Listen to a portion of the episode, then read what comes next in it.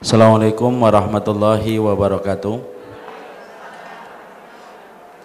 Innalhamdulillah wassalatu wassalamu ala Rasulillah wa ala alihi wa sahbihi wa man tabi'ahum bi ihsan ila yaumil qiyamah.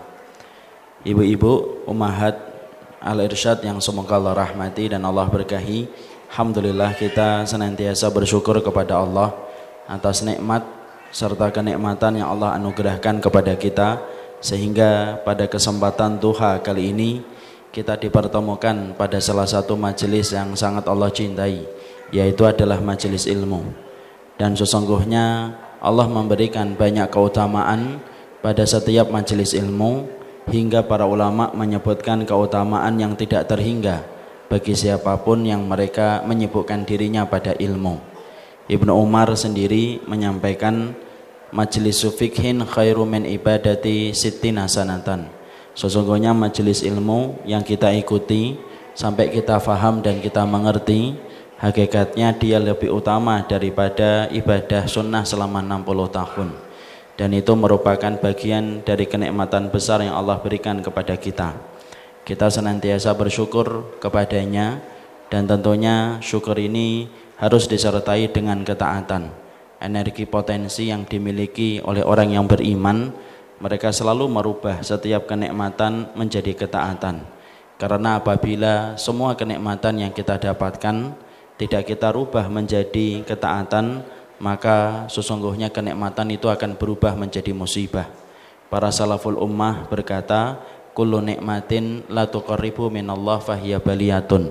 Setiap kenikmatan yang tidak menambah ketaatan kita kepada Allah kenikmatan itu akan berubah menjadi musibah besar dalam kehidupan akhirat dan dunia kita. Inilah yang menjadikan kita memahami betul satu inci kenikmatan yang Allah tambahkan kepada kita harusnya bertambah satu inci ketaatan yang kita tambahkan dalam hidup. Kalau ada orang diberikan satu jengkal kenikmatan, maka dia harus bertambah satu jengkal ketaatan dan ibadah yang dia lakukan. Karena apabila kenikmatan yang Allah tambahkan terus-menerus mengalir tetapi tidak disertai dengan ketaatan, maka yang kita khawatirkan kenikmatan itu bukan bagian dari ridhonya Allah, tapi kenikmatan itu merupakan bagian dari istidrajnya Allah kepada manusia. Makanya definisi istidraj itu mudah. Rasulullah itu berkata, "Idza ra'aitallaha yu'til 'abda 'ala ma'asihi fa'lam annahu istidraj." Kalau kamu melihat Allah itu memberikan kenikmatan bagi seorang hamba, tapi justru hamba itu bertambah kemaksiatan setelah Allah menambahnya dengan kenikmatan, fa'lam.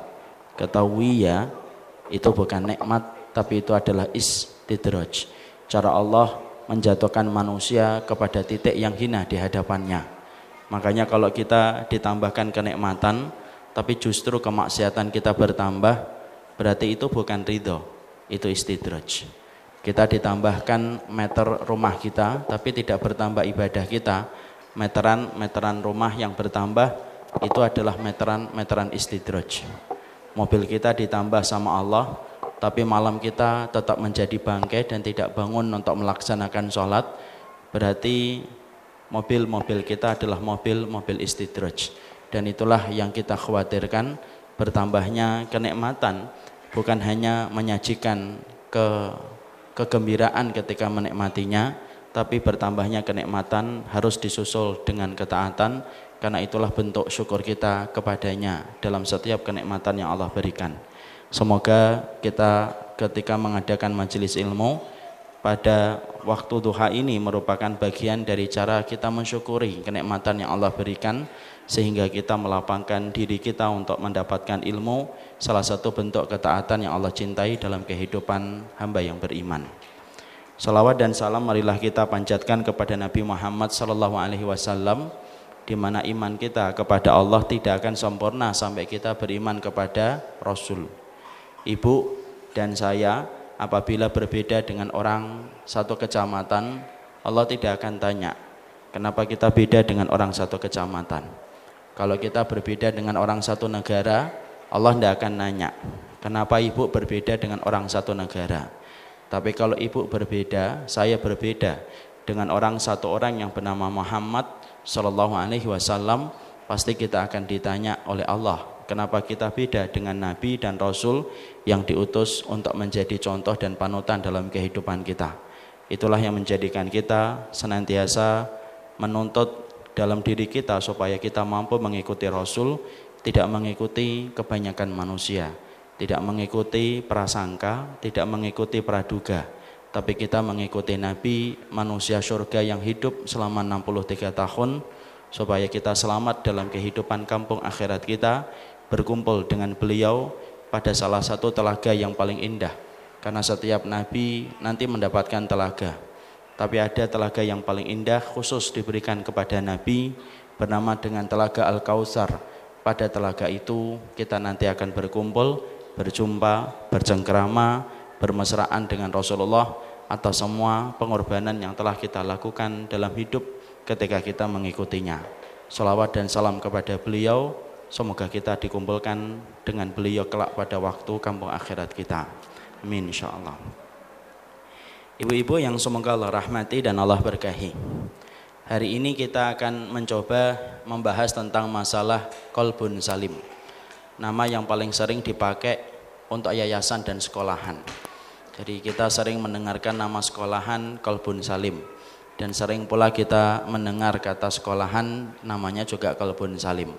Tapi justru ironisnya banyak di antara kita yang tidak paham bagaimana itu Kolbun Salim dan bagaimana definisinya dan apakah kita sudah memiliki Kolbun Salim ataukah tidak.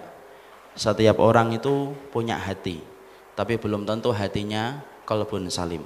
Orang yang memiliki kolbun salim pasti punya hati. Tapi orang yang punya hati belum tentu memiliki kolbun salim. Dan itulah yang menjadikan kita hendak mengkaji, merenungi tentang kolbun salim. Karena sesungguhnya kata kolbun salim disebutkan oleh Allah di dalam Al-Quran. Ash-Shu'ara 88 dan 89 ketika Allah menyampaikan yauma la yanfa'u malun wala banun illa man atallah biqalbin salim. Akan datang satu hari tidak bermanfaat harta dan anak-anak yang kita miliki kecuali mereka yang datang kepada Allah dengan hati yang salim. Dan itulah yang kita sebut dengan kolbun salim.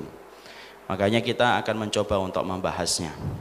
Sebelum kita membahas tentang tema itu secara khusus kita sampaikan dulu di dalam mukaddimah bahwasanya kita ini salah satu tujuan diciptakannya saya ibu-ibu antunna semuanya. Diciptakannya kita adalah bagaimana untuk beribadah. Dan tahukah kita ibadah itu memiliki definisi khusus yang tidak banyak diketahui oleh kaum muslimin. Apa definisi ibadah itu definisi ibadah salah satunya disampaikan dalam kitab-kitab tauhid warisan para ulama terdahulu. Para ulama menyampaikan definisi ibadah. Ismun jami'un lima yuhibbuhullahu wa yardah. Minal aqwali wal af'ali al-zahirah wal batinah. Sesungguhnya definisi ibadah itu disampaikan oleh para ulama dari warisan perkataan mereka. Mereka mengatakan yang dinamakan ibadah itu nama yang mencakup dari semua perkara yang Allah cintai dan Allah ridhoi dari perkataan dan perbuatan yang dohir ataupun yang batin. Di situ kita mendapatkan bahwasanya kata ibadah itu mencakup semua perkara di mana perkara itu Allah cintai dan perkara itu Allah ridhoi dan sesungguhnya ibadah itu mencakup dari perkara yang dohir dan perkara yang batin dari definisi itu akhirnya kita memahami bahwasanya termasuk dalam ibadah itu ada dua wilayahnya ada wilayah dohir ada wilayah batin ibadah yang termasuk pada wilayah dohir itu adalah kegiatan-kegiatan yang dilakukan anggota tubuh kita ketika beribadah. Ibu melaksanakan sholat itu ibadah secara dohir. Ibu memakai jilbab, menutup aurat, menutup hijab, maka itu ibadah secara dohir. Kita melaksanakan haji dan umrah, maka itu merupakan ibadah-ibadah yang dilakukan oleh dohir anggota badan kita. Itulah dimaksudkan ibadah. Tapi ibadah bukan hanya terhenti dan bukan hanya terbatas pada waktu atau pada atau pada perkara-perkara ibadah dohir. Tetapi ibadah itu mencakup pula ibadah yang dilakukan hati yang disebut dengan ibadah batin. Ketika kita memiliki hati, maka ketahuilah fahami bahwasanya hati kita pun dibebankan kepada hati beribadah kepada Allah. Sebagaimana anggota tubuh dibebankan untuk beribadah dalam sholat, ruko, doa, tawaf, haji dan lain sebagainya maka sesungguhnya hati pun memiliki wilayah ibadah di mana ibadahnya itu banyak. Mereka harus ikhlas, sabar, ridho dan lain sebagainya. Dan itu termasuk di antara wilayah ibadah hati. Manusia karena mereka minimnya mengetahui tentang definisi ibadah maka mereka cuma mengartikan ibadah itu dohir Makanya kebanyakan dari kita hanya memperhatikan ibadah dohir. Banyak yang bagus di dalam masalah sholat. Banyak yang mempesona di dalam masalah puasa. Banyak yang berulang-ulang di dalam haji dan umrah. Jangan tanya dalam masalah ibadah dohirnya. Dia adalah orang yang baik dan mempesona dalam ibadah dohirnya.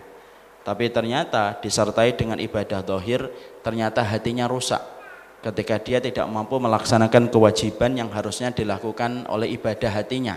Hatinya tidak ikhlas, hatinya penuh dengan benci, hatinya penuh dengan hasad, hatinya tidak ridho dan tidak tawakal, maka sesungguhnya di situlah kita mendapati ada orang itu ketika beribadah kayak gali lubang tutup lubang.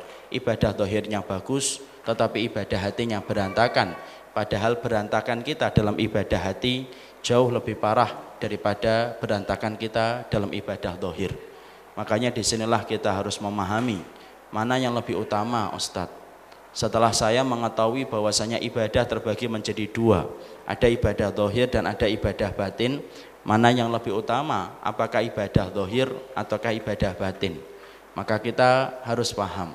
Ternyata para ulama menyebutkan antara ibadah hati dengan ibadah batin, sesungguhnya yang paling utama adalah ibadah batin, ibadah hati ternyata menduduki kedudukan yang sangat besar.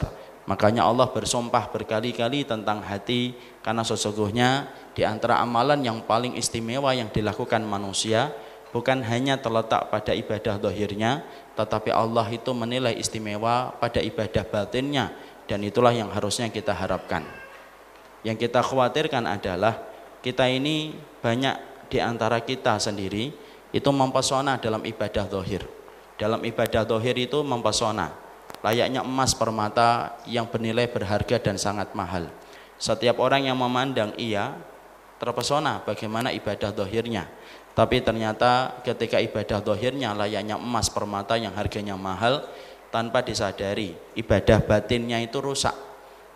Di mana kedudukannya sebagaimana potongan besi yang tidak ada harganya, kalau misalnya dibawa ke tukang loak, tukang loak pun tidak memberikan harga ketika ibadah hatinya itu rusak. Padahal di sini kita harus memahami ibadah hati dengan ibadah dohir, maka ibadah hati menduduki kedudukan-kedudukan yang sangat tinggi di hadapan Allah ketika kita bicara wilayah hati, wilayah ibadah ketika terbagi menjadi dua. Kita harus paham. Kalau begitu terangkan dalilnya bahwasanya ibadah hati itu menjadi satu ibadah yang sangat dicintai oleh Allah dan menempati porsi yang paling besar dalam kegiatan kita beribadah kepada Allah.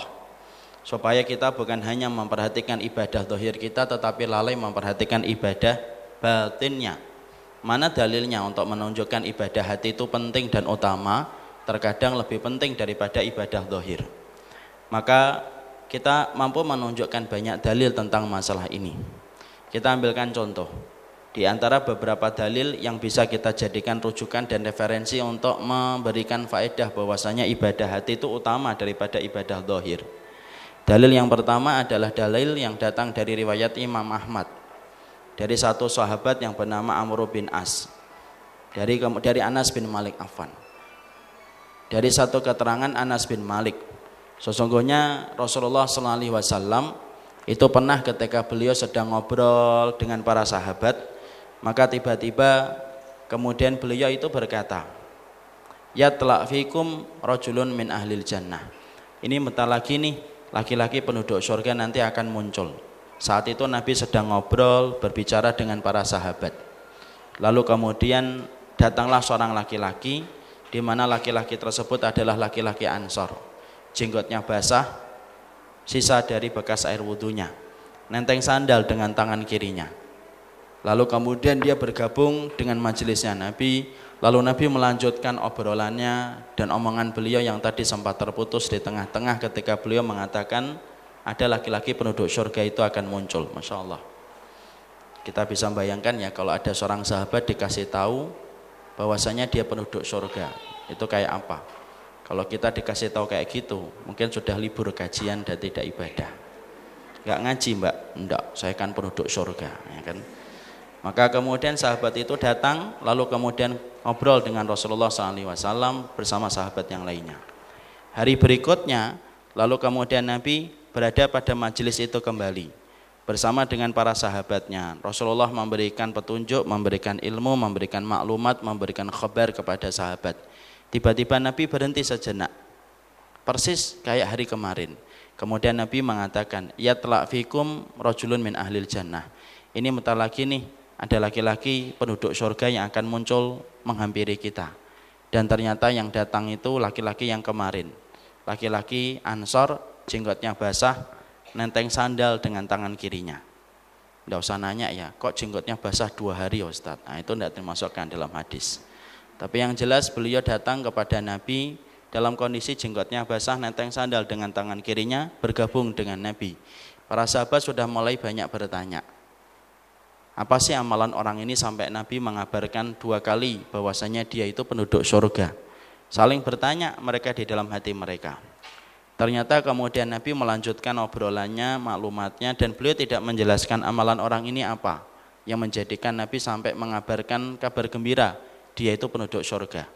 Hari berikutnya Nabi datang pada majelis itu kembali ngobrol lagi dengan para sahabat kemudian datang kepada beliau laki-laki yang kemarin dua hari berturut-turut yang sudah muncul laki-laki itu sama jenggotnya basah kemudian nenteng sandal dengan tangan kirinya bergabung dengan Nabi makanya kemudian sampai para sahabat langsung semuanya tambah penasaran tiga hari berturut-turut Nabi mengabarkan bahwasanya laki-laki Ansor ini adalah penduduk surga makanya ada salah satu sahabat yang penasaran sahabat yang penasaran itu adalah Abdullah bin Amru bin As putra sahabat besar Amr bin As yang membebaskan Mesir pada tahun 20 Hijriah. Ini putranya. Abdullah bin Amr bin As ketika melihat orang ini dikabarkan sebagai penduduk surga, tumbuh di dalam hatinya giptoh. Giptoh itu apa?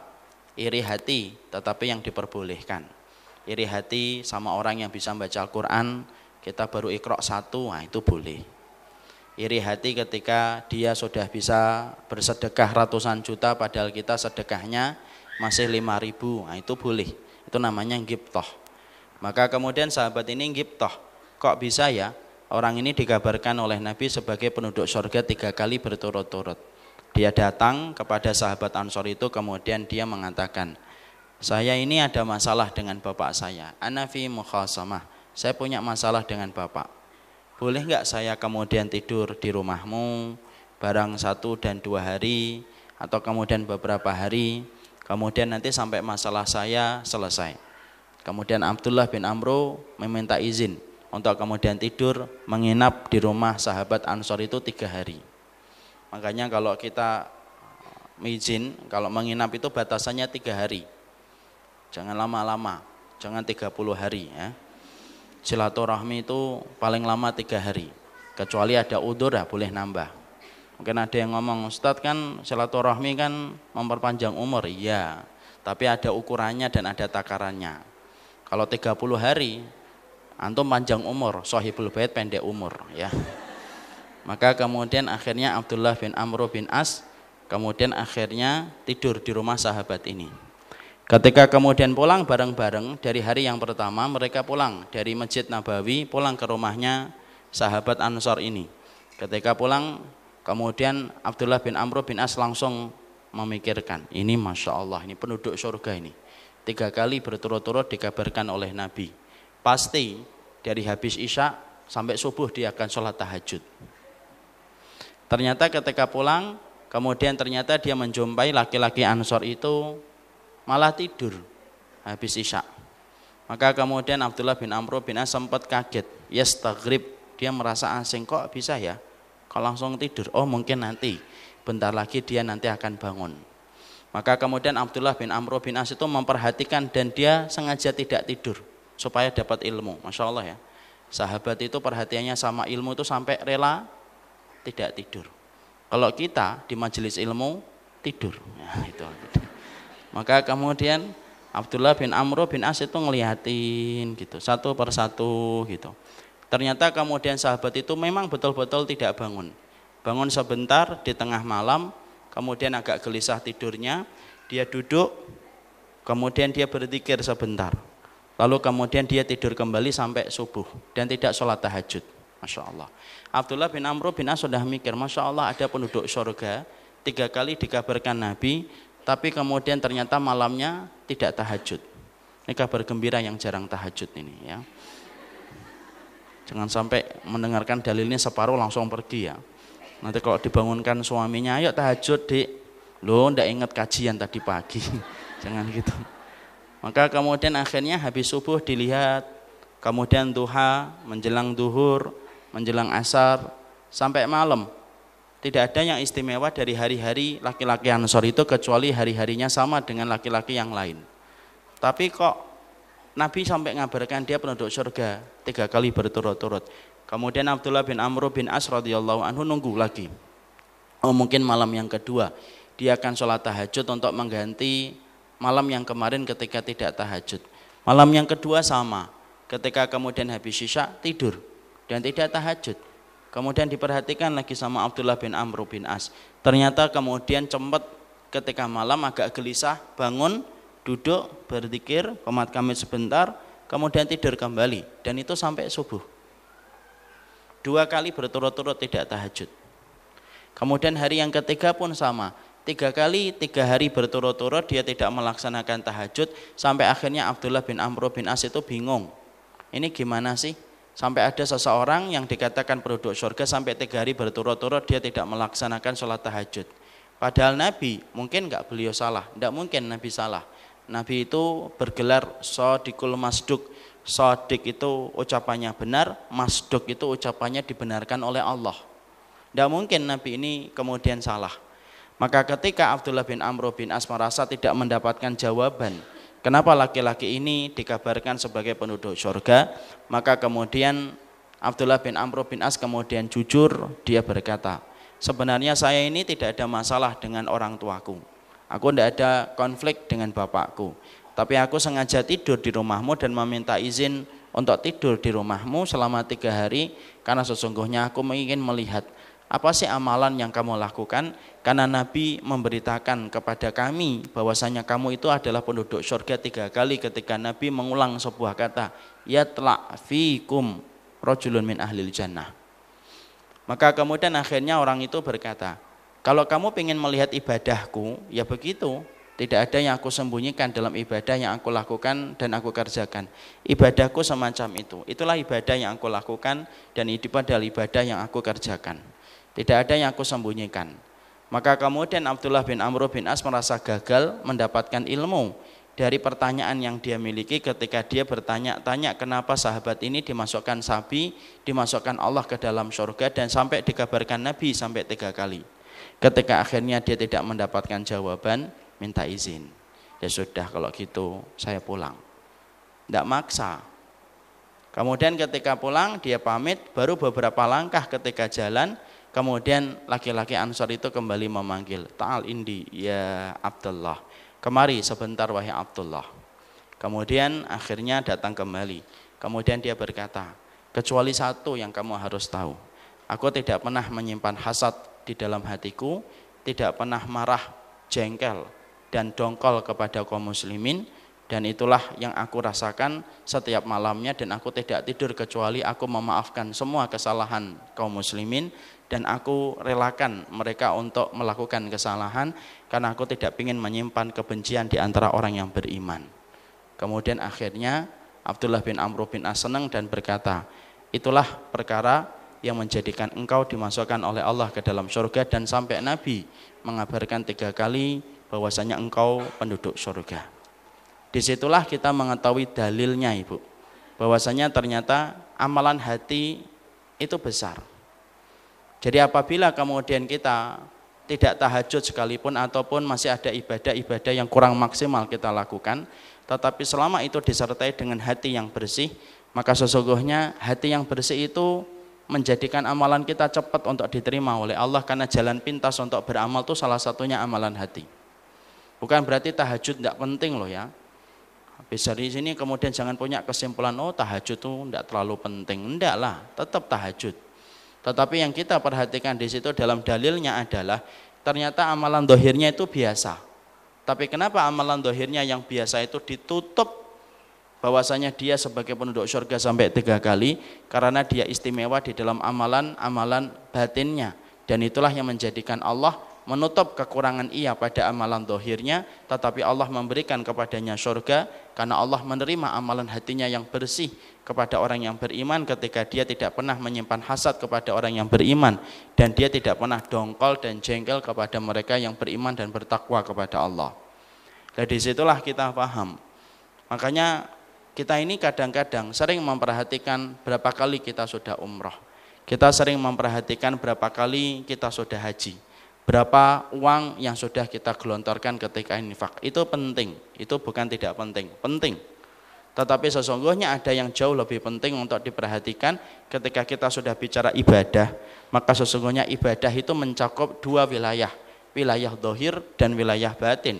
Dan wilayah batin itu sedang kita bahas. Dalilnya bahwasanya wilayah batin itu lebih utama dan lebih besar daripada daripada wilayah dohir. Itu dalil yang pertama. Dalil yang kedua untuk menggambarkan bagaimana amalan hati itu lebih penting daripada amalan dohir. Dalil yang kedua adalah ketika kita merenungi perkataan Rasul. Rasulullah Shallallahu Alaihi Wasallam beliau bersabda dalam salah satu hadis yang sahih bahwasanya kalaupun ada manusia yang dia infak satu gunung Uhud emas ya, maka Rasulullah itu mengatakan tidak akan diterima Sampai kemudian orang yang berinfak dengan satu gunung Uhud emas menerima takdir Allah baik itu yang baik ataupun yang buruk. Maka Rasulullah SAW mengatakan, "Ma qabilallahu minka ahadan." Ya, hatta tu'mina bil qadari walau anfaqta misla jabal Uhudin fima makna. Rasulullah itu mengatakan, kalau ada orang yang infak satu gunung Uhud emas, berarti nilainya puluhan triliun. Satu gunung Uhud emas. Allah itu tidak ada hajat untuk menerima ibadah sedekahnya dia yang dia infakkan di jalan Allah sampai ratusan miliar sekalipun tetapi ketika dia tidak mengimani takdir Allah baik itu yang baik ataupun yang buruk dia tidak ridho terhadap keputusan Allah maka infaknya tadi sebesar satu gunung Uhud emas itu ditolak sama Allah. Padahal kalau infak dan sodakoh itu amalan dohir atau amalan batin Sedekah ini amalan dohir atau amalan batin? Amalan dohir. Tapi kalau kemudian kita beriman kepada takdirnya Allah, ridha kepada takdirnya Allah itu amalan dohir atau amalan batin? Amalan batin. Tapi ternyata sampai Nabi kemudian mengatakan ente infak satu gunung Uhud emas, tapi disertai bahwasanya ente tidak terima takdir Allah, ketika Allah tetapkan sebuah takdir yang tidak tidak tidak tidak ente inginkan lalu kemudian kamu menggugat takdir Allah maka sesungguhnya Allah tidak pingin nerima sodakahmu walaupun ratusan miliar sekalipun ketika kamu sudah menggugat takdirnya Allah. Dan di situ kita menjumpai masalah amalan hati itu ternyata besar kedudukannya sampai mengalahkan amalan dohir ketika infak ratusan miliar sekalipun. Makanya Masya Allah hati-hati kalau kita sudah bicara takdir Kadang-kadang kalau kita bertengkar sama suami atau istri kadang-kadang menyebut-nyebut takdir. Coba dulu saya nggak ketemu kamu mas, mas, coba kayak gitu. Padahal itu sudah menyesali takdir itu. Coba dulu handphonemu, nomormu ndak nyasar ke nomorku, nggak jadi ketemu. Berarti ketemunya karena salah sambung ketika telepon. Maka sesungguhnya itu kemudian termasuk di antara persoalan ketika kita tidak mengimani takdir. Maka di situ dalil yang kedua bahwasanya amalan amalan dohir itu masih kalah dengan amalan hati. Dan salah satu amalan hati itu ridho kepada takdir. Makanya kalau kita mendapatkan satu keputusan dari Allah, ridhoi. Dan Allah itu senang dengan ridhonya itu ketika manusia itu ridho. Ibu haji, eh kodarullah, sudah mau wukuf di Arafah tiba-tiba siklus bulanannya datang Kemudian banyak kan di antara kita langsung menggugat ya Allah siklusnya mbok nanti gitu loh seminggu lagi gitu loh. Siklus saja milih pas mau wukuf nggak ngerti haji itu mahal coba. Padahal ketika dia menerima keputusan Allah ketika Allah memberikan siklus bulanan walaupun dengan itu dia terlewatkan untuk melaksanakan haji maka nilai ridhonya kepada takdir itu jauh lebih besar daripada ibadah hajinya. Dan ridho kepada takdir itu amalan hati, bukan amalan dohir. Dan ini untuk menunjukkan kepada kita bahwasanya amalan hati itu penting banget. Dan itu kemudian menunjukkan kualitas ibadah kita di hadapan Allah. Walaupun saya menyebutkan kayak gini, Bu, bukan berarti nanti kita akhirnya gampangkan orang loh ya. Artinya menggampangkan amalan dohir. Ya Allah sudah lah, yang penting amalan hatinya. Tidak boleh juga. Pakai jilbab, ndaklah yang penting hatinya. Yang penting hatinya, ndak bisa. Cermin dari amalan hati itu bagaimana kita dohirnya tak taat. Susah nyari jilbab hati itu. Ukurannya M, L atau S kan ndak susah nyarinya. Dan mau nggak kita kemudian pakai jilbab itu? Kalau kemudian pakai jilbab hati, coba kalau kita ketangkep polisi nggak pakai helm, mana helmnya, Mbak? Yang penting helm saya, hati saya dihelemin, Pak. Ya bisa lah. Makanya kemudian bukan berarti ketika saya menyebutkan amalan batin itu penting, kemudian menghalalkan kita untuk bicara, Allah sholat tidak penting, yang penting amalan hati. Allah jilbab itu tidak penting, yang penting hatinya baik. Nah itu juga tidak boleh. Karena ada orang-orang kejawen itu yang suka mengatakan itu, yang penting kamu itu jadi orang tidak usah gangguin orang nak, tidak usah nyenggol orang, tidak usah nyakitin orang. Sholat bu, nah, usah juga. Nah, itu juga salah. Itu termasuk orang yang salah memahami amalan ha, hati, amalan batin. Dalil yang ketiga, bahwasanya amalan hati itu penting adalah yaitu ketika kita mendapati orang yang pertama kali dimasukkan ke dalam neraka. Siapa orang yang dimasukkan pertama kali untuk masuk ke dalam neraka? Pezina? Enggak. Peminum khamr? Bukan. Pembunuh? Enggak. Orang mencopet? Bukan. Orang yang kemudian ganti kelamin, enggak juga. Walaupun juga masuk neraka itu kalau enggak tobat sampai mati. Ya. Maka siapa yang kemudian masuk neraka pertama kali? Rasulullah bersabda, Inna awalan nasi yuqda yaumal qiyamati salah satun. Orang yang pertama kali diputuskan nasibnya oleh Allah nanti pertama kali untuk dipanggil dan diputuskan nasibnya untuk masuk neraka itu ada tiga orang.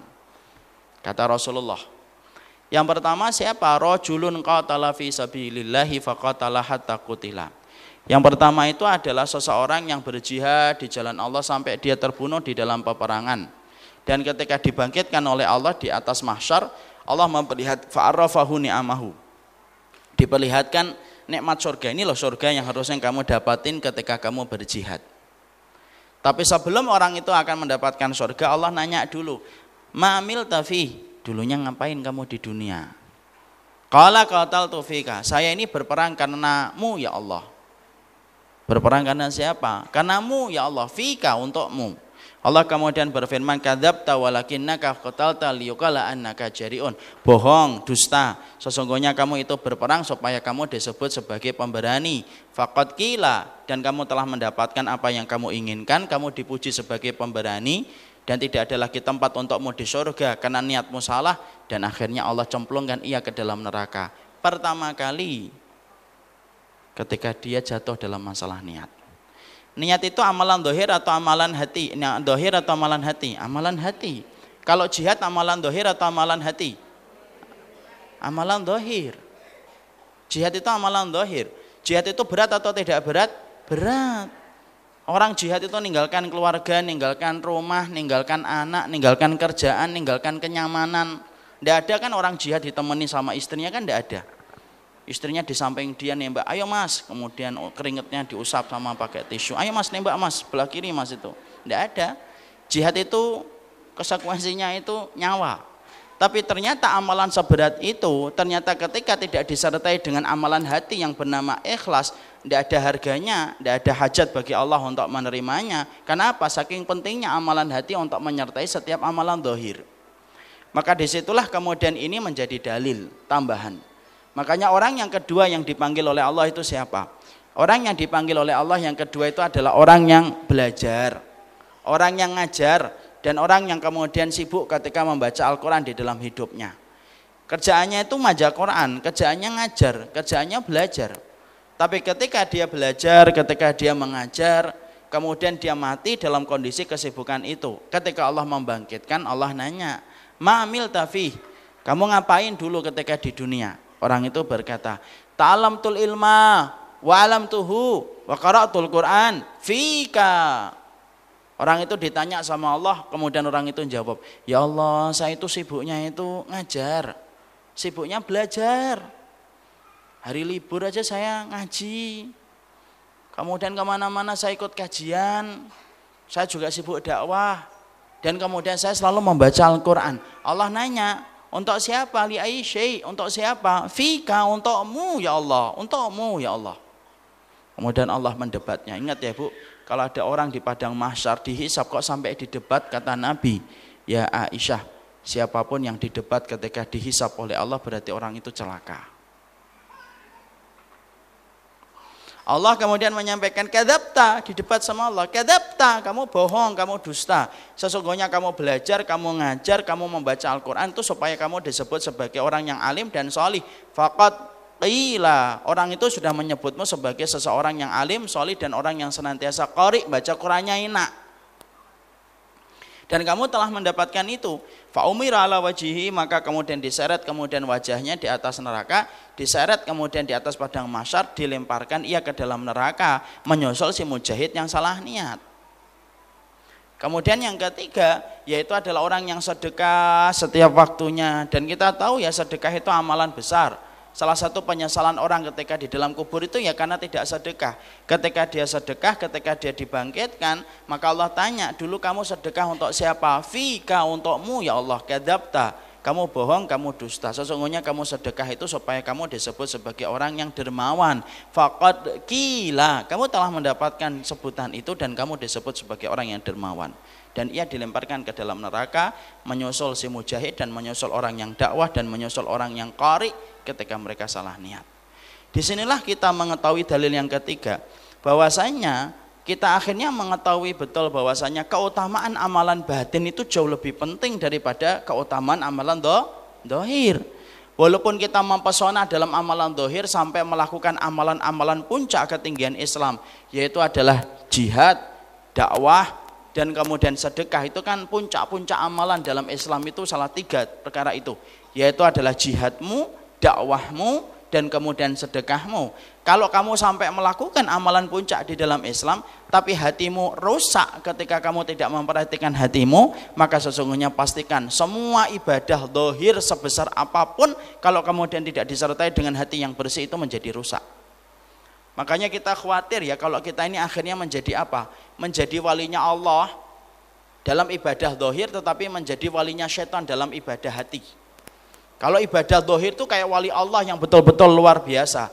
Tapi ketika bicara tentang ibadah hati, dia kayak walinya setan, hatinya penuh dengan kebencian, tidak ada niat ikhlas, tidak ada sabar, tidak ada kona'ah, tidak ada ridho, dan itulah yang menjadikan semua amalan dohirnya itu tidak ada harganya di sisi Allah, karena itu karena semua amalan dohir itu ditentukan dengan ibadah hati. Nah itulah yang menjadikan akhirnya kita ingin membuka dulu betapa pentingnya amalan dohir dalam kehidupan ini. Maka setelah kita memahami tentang amalan dohir ini, bahkan kemudian amalan batin ini dan ini termasuk cakupan ibadah kita kepada Allah sekarang kita kemudian menukik kepada pembahasan lebih tajam lagi sekarang kita bicara hati kita mengetahui bahwasanya ibadah yang paling agung itu adalah ibadah hati sekarang hati itu terbagi menjadi berapa sih Ustadz? Maka kemudian para ulama lalu menyampaikan hati itu terbagi menjadi beberapa pembagian. Kalau kita melihat dalam kitab-kitab Tazkiyatun Nufus, sesungguhnya secara definisi globalnya hati terbagi menjadi tiga. Hati yang pertama, salim, hati yang salim. Hati yang kedua, kolbun mayit, hati yang mati. Yang ketiga, kolbun marid, hati yang sakit. Itulah pembagian sebagian para ulama di dalam Tazkiyatun Nufus. Salah satunya pembagian dari Imam Ibn Rajab Al-Hambali rahimahullah taala. Tapi kalau kita merujuk kepada apa yang disampaikan oleh Khudzaifah ibnul Yaman Khudzaifah ibnul Yaman kemudian menyampaikan sesungguhnya hati itu terbagi menjadi empat sebenarnya pembagian Khudzaifah ini tidak bertentangan dengan pembagian hati yang dibagi oleh para ulama yang lainnya kalau pembagian empat ini lebih terperinci daripada pembagian yang pertama Khudzaifah ibnul Yaman kemudian menyampaikan hati itu ketika kemudian dibagi dalam kehidupan manusia itu terbagi menjadi empat. Yang pertama, munir, hati yang terang sekali. Dia kayak pelita dia, menerangi segala sesuatu yang ada di sekitarnya. Hatinya siapa ini? Hatinya orang-orang mukmin yang mereka selalu mendapatkan petunjuk, mendapatkan cahaya dari kebenaran-kebenaran yang mereka pelajari dan mereka amalkan. Hatinya terang. Makanya sifat Al-Quran itu salah satunya apa? Nu nurun. Salah satu sifat Quran itu apa? Memberikan petunjuk. Makanya Allah itu selalu mengidentikan ilmu itu dengan kata cahaya. Karena pada dasarnya hati orang mukmin itu hati yang mendapatkan cahaya.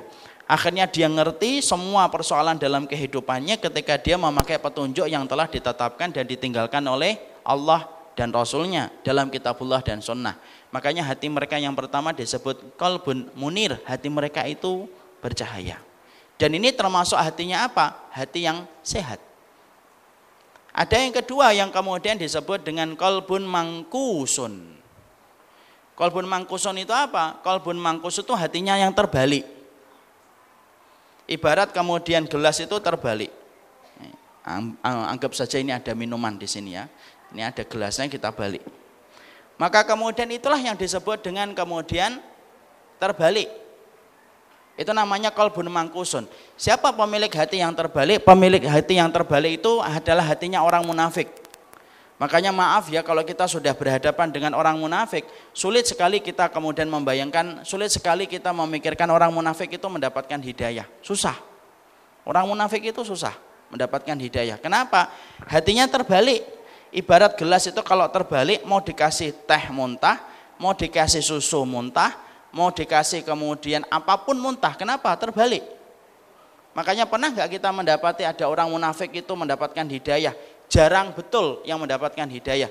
Biasanya kalau orang sudah menggenggam kemunafikan, dia biasanya bawa itu sampai mati digigit kemunafikan itu. Padahal kita tahu ya siapa orang yang paling keras hukumannya nanti di akhirat. Yang paling keras hukumannya di akhirat itu adalah orang munafik. Jadi ternyata neraka itu dibagi menjadi tiga lapis. Lapisan yang pertama, orang-orang mukmin yang mereka melakukan dosa dan dosanya lebih banyak daripada keburukannya. Maka kemudian mereka itu berada pada lapisan yang pertama. Dan mereka ada saatnya dikeluarkan dari neraka. Ketika mereka sudah menebus kesalahannya dengan api neraka dan siksa yang Allah berikan ketika mereka di dalam neraka. Makanya ada nggak orang mukmin yang kemudian masuk neraka dulu sebelum masuk surga? Ada. Masya Allah ya langsung datang tahu gitu saya tadi mencontohkannya roti biar yang datang roti Bentar. jadi hatinya orang munafik itu hati yang terbalik gini loh. Namanya kalbun mangkusun. Kata Khudaifa ibnul Yaman. Makanya kemudian dikasih teh muntah dikasih susu muntah dikasih apa pun muntah. Itu hatinya orang munafik. Makanya kemudian orang munafik tahukah kita, munafik itu adalah orang-orang yang mereka paling keras adabnya dari Allah ketika nanti hari kiamat. Makanya neraka itu terbagi menjadi tiga. Yang lapisan pertama, orang-orang mukmin yang melakukan dosa, tetapi ada saatnya mereka keluar dari neraka itu. Lapisan yang kedua orang kafir, yang orang musyrik yang mereka kekal di dalam neraka. Yang paling bawah itu orang munafik. Innal munafikina fi darkil asfali minan nar sebagaimana di dalam surat An-Nisa 145. Sesungguhnya orang munafik itu berada di dalam kerak neraka yang paling dalam, ditutup oleh Allah dan itu hatinya orang munafik. Makanya orang munafik itu mengkhawatirkan mereka itu. Makanya yang kita khawatirkan itu apa? MTS. MTS itu apa? Munafik tanpa sadar. Dohirnya muslim gitu. Tapi benci sama syariat benci sama surat Al-Maidah 51 benci sama kemudian ayat kalau tidak sesuai dengan selera hidupnya itu munafik dan ingat munafik hari ini itu lebih parah daripada munafik pada zaman Rasul kenapa? orang munafik hari ini itu on terus pak munafiknya beda pada zaman Rasul pada zaman Nabi itu munafik itu on off kalau sedang jauh dari Nabi muncul munafiknya. Tapi kalau mereka dekat dengan Nabi, off itu munafiknya karena mereka takut dengan Rasul. Itu munafik pada zaman dulu. Kalau sekarang enggak. Munafik itu di TV, radio sama saja dia. Kenapa? Mereka ingin menghambakan diri mereka kepada dunia dengan kemunafikan yang mereka jual dari ayat-ayat Allah. Itu yang kedua, hatinya orang munafik. Ada yang ketiga kata Khudaifa yang disebut dengan qalbun mughlaq, yaitu adalah hati orang yang terkunci. Siapa yang terkunci? Ini orang kafir. Orang kafir. Tapi kunci dan gembok yang mengunci hatinya orang kafir itu beda-beda. Makanya kan kita dapati orang orang kafir itu tidak semuanya boleh kita benci, tidak boleh. Kalau dia tidak memperlihatkan permusuhan sama Allah dan Rasulnya, tidak boleh kita membencinya dan tidak boleh memusuhinya. Kalau dia tidak memperlihatkan permusuhan sama Allah dan Rasulnya. Tapi kalau dia memperlihatkan permusuhan kepada Allah dan Rasulnya, kita harus keras sama orang kafir yang berani memperlihatkan permusuhan kepada kepada Allah dan kepada kaum muslimin. Makanya hati orang kafir ketika terkunci ada gemboknya. Gemboknya itu beda-beda. Ada yang gemboknya kuat banget, genggam itu ke hati sampai susah untuk kemudian lepas kecuali dengan hidayah Allah.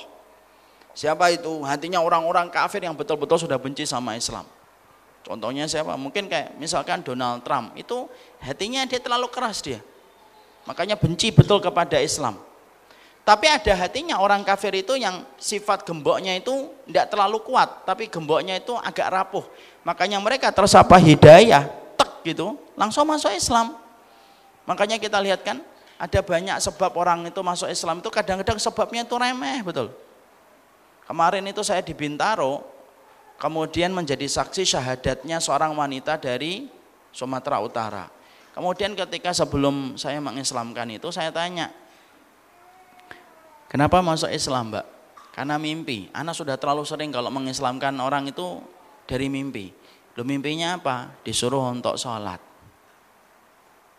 Akhirnya dia mencoba mencari makna dari setiap sholat dan akhirnya dia sholat dan akhirnya merasakan kenikmatan. Jauh sebelumnya saya pernah menjadi saksi syahadatnya seorang wanita dari sebuah guru dia dia itu guru dari sebuah sekolahan sekolahan Katolik. Kemudian ketika kita mengislamkan saya tanya, kenapa Mbak masuk Islam? Ibu kenapa masuk Islam? Karena mimpi Ustadz. Lo mimpinya apa? Mimpinya saya disuruh wudhu. Jadi setiap saya mimpi tidur saya disuruh wudhu. Dan saya tahu bahwasanya wudhu itu yang memiliki hanyalah Islam. Makanya kemudian saya tolak, saya tolak, saya tolak gitu. Tapi mimpi itu tetap datang sampai kadang-kadang saya itu takut tidur karena disuruh untuk wudhu.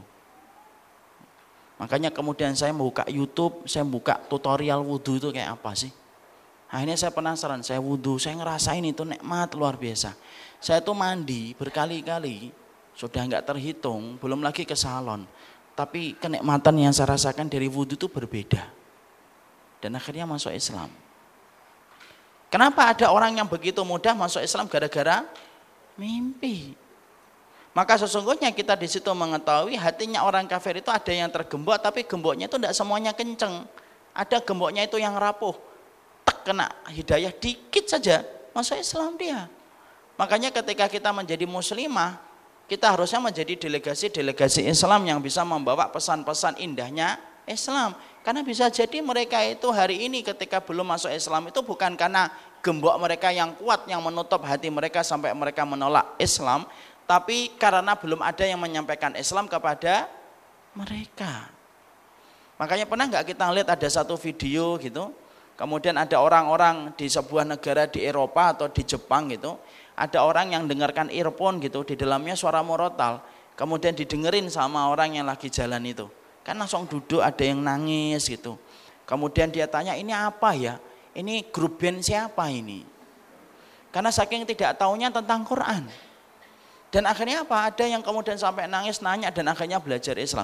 Di situ kita paham ada hati yang ketika hatinya orang kafir, hatinya orang kafir itu ada gemboknya dan ketika ada gemboknya, gembok itu bermacam-macam ada yang kuat mencengkram hatinya sampai tidak sampai sampai tidak bisa mendapati kebenaran sedikit pun ada yang kemudian dia gemboknya itu rapuh disentil dikit dengan hidayah akhirnya masuk Islam ada yang ketiga yaitu adalah hati yang kemudian disebut dengan hati yang ter, yang keempat Hati yang keempat itu adalah hati yang terisi dengan dua materi.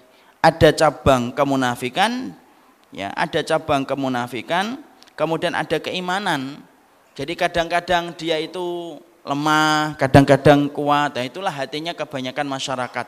Hati yang terkadang terbolak-balik, kadang-kadang menguat dalam kebaikan, kadang-kadang dia mereduh, kadang-kadang dia kemudian melemah dan kemudian meredup cahaya-cahaya ketaatannya disebabkan dosa-dosa yang dilakukan. Dan itu hati yang keempat kata Khudaifah Ibnu Yaman. Rata-rata masyarakat muslim itu memiliki hati yang keempat. Kadang-kadang semangat betul.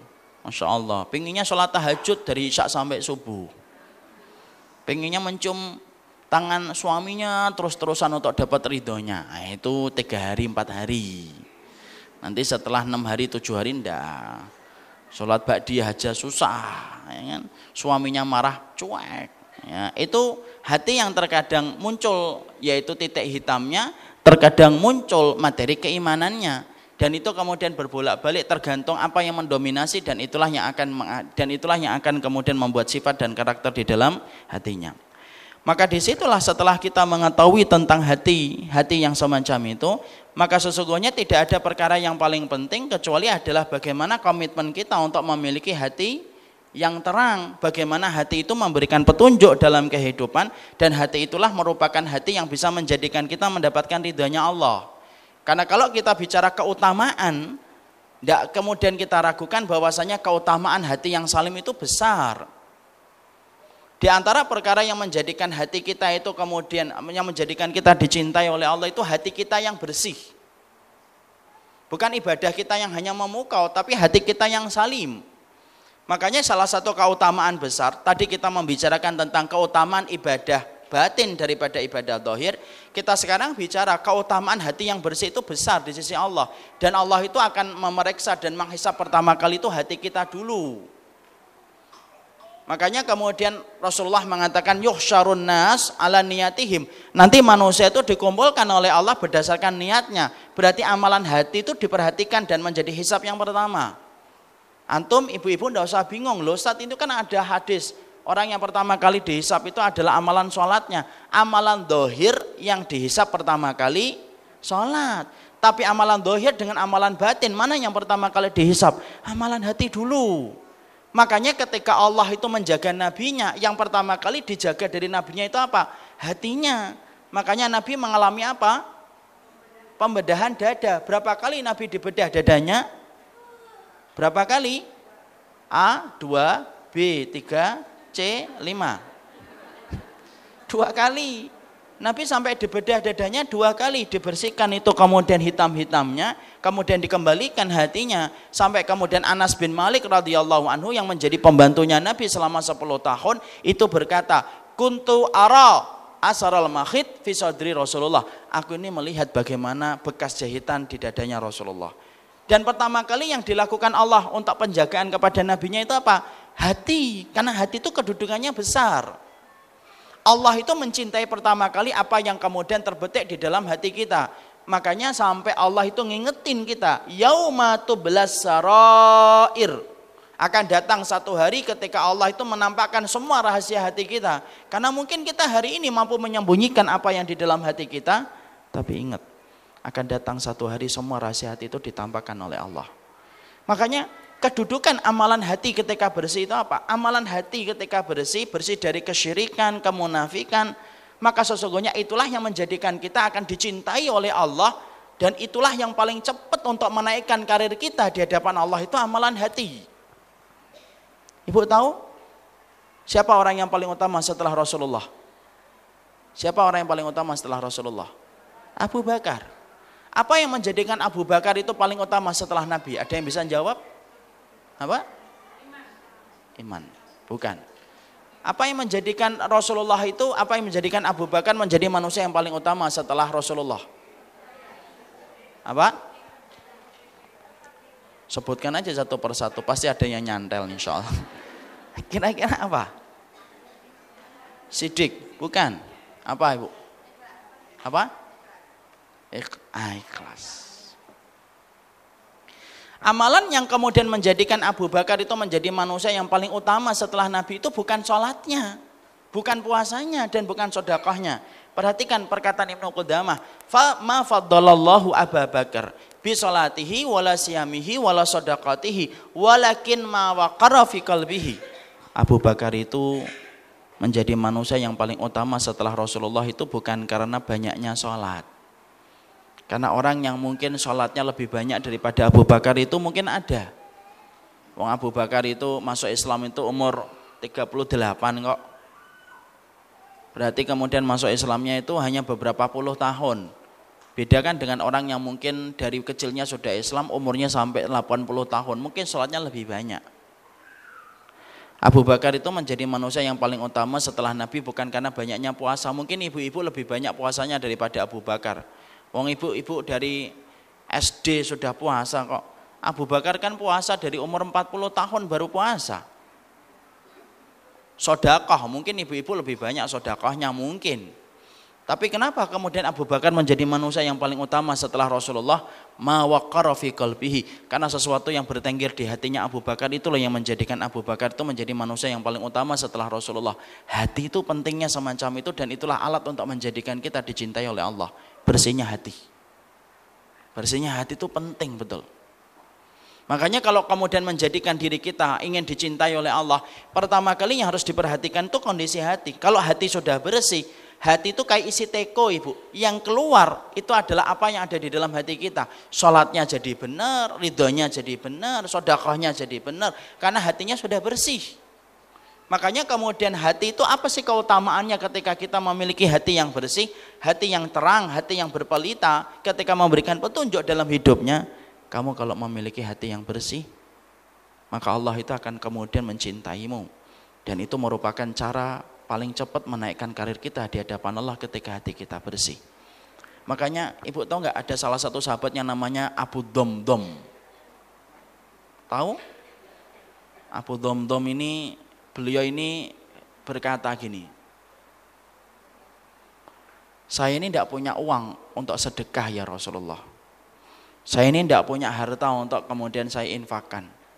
Makanya kalau ada orang muslim yang ingin menghujat saya, mendolimi saya, saya biarkan dan saya halalkan mereka untuk mendolimi saya. Sebagai bentuk sedekah saya untuk mereka. Dan Rasulullah sampai berkata, siapa di antara kalian yang bisa sebagaimana Abu Domdom? Masya Allah, sampai segitunya.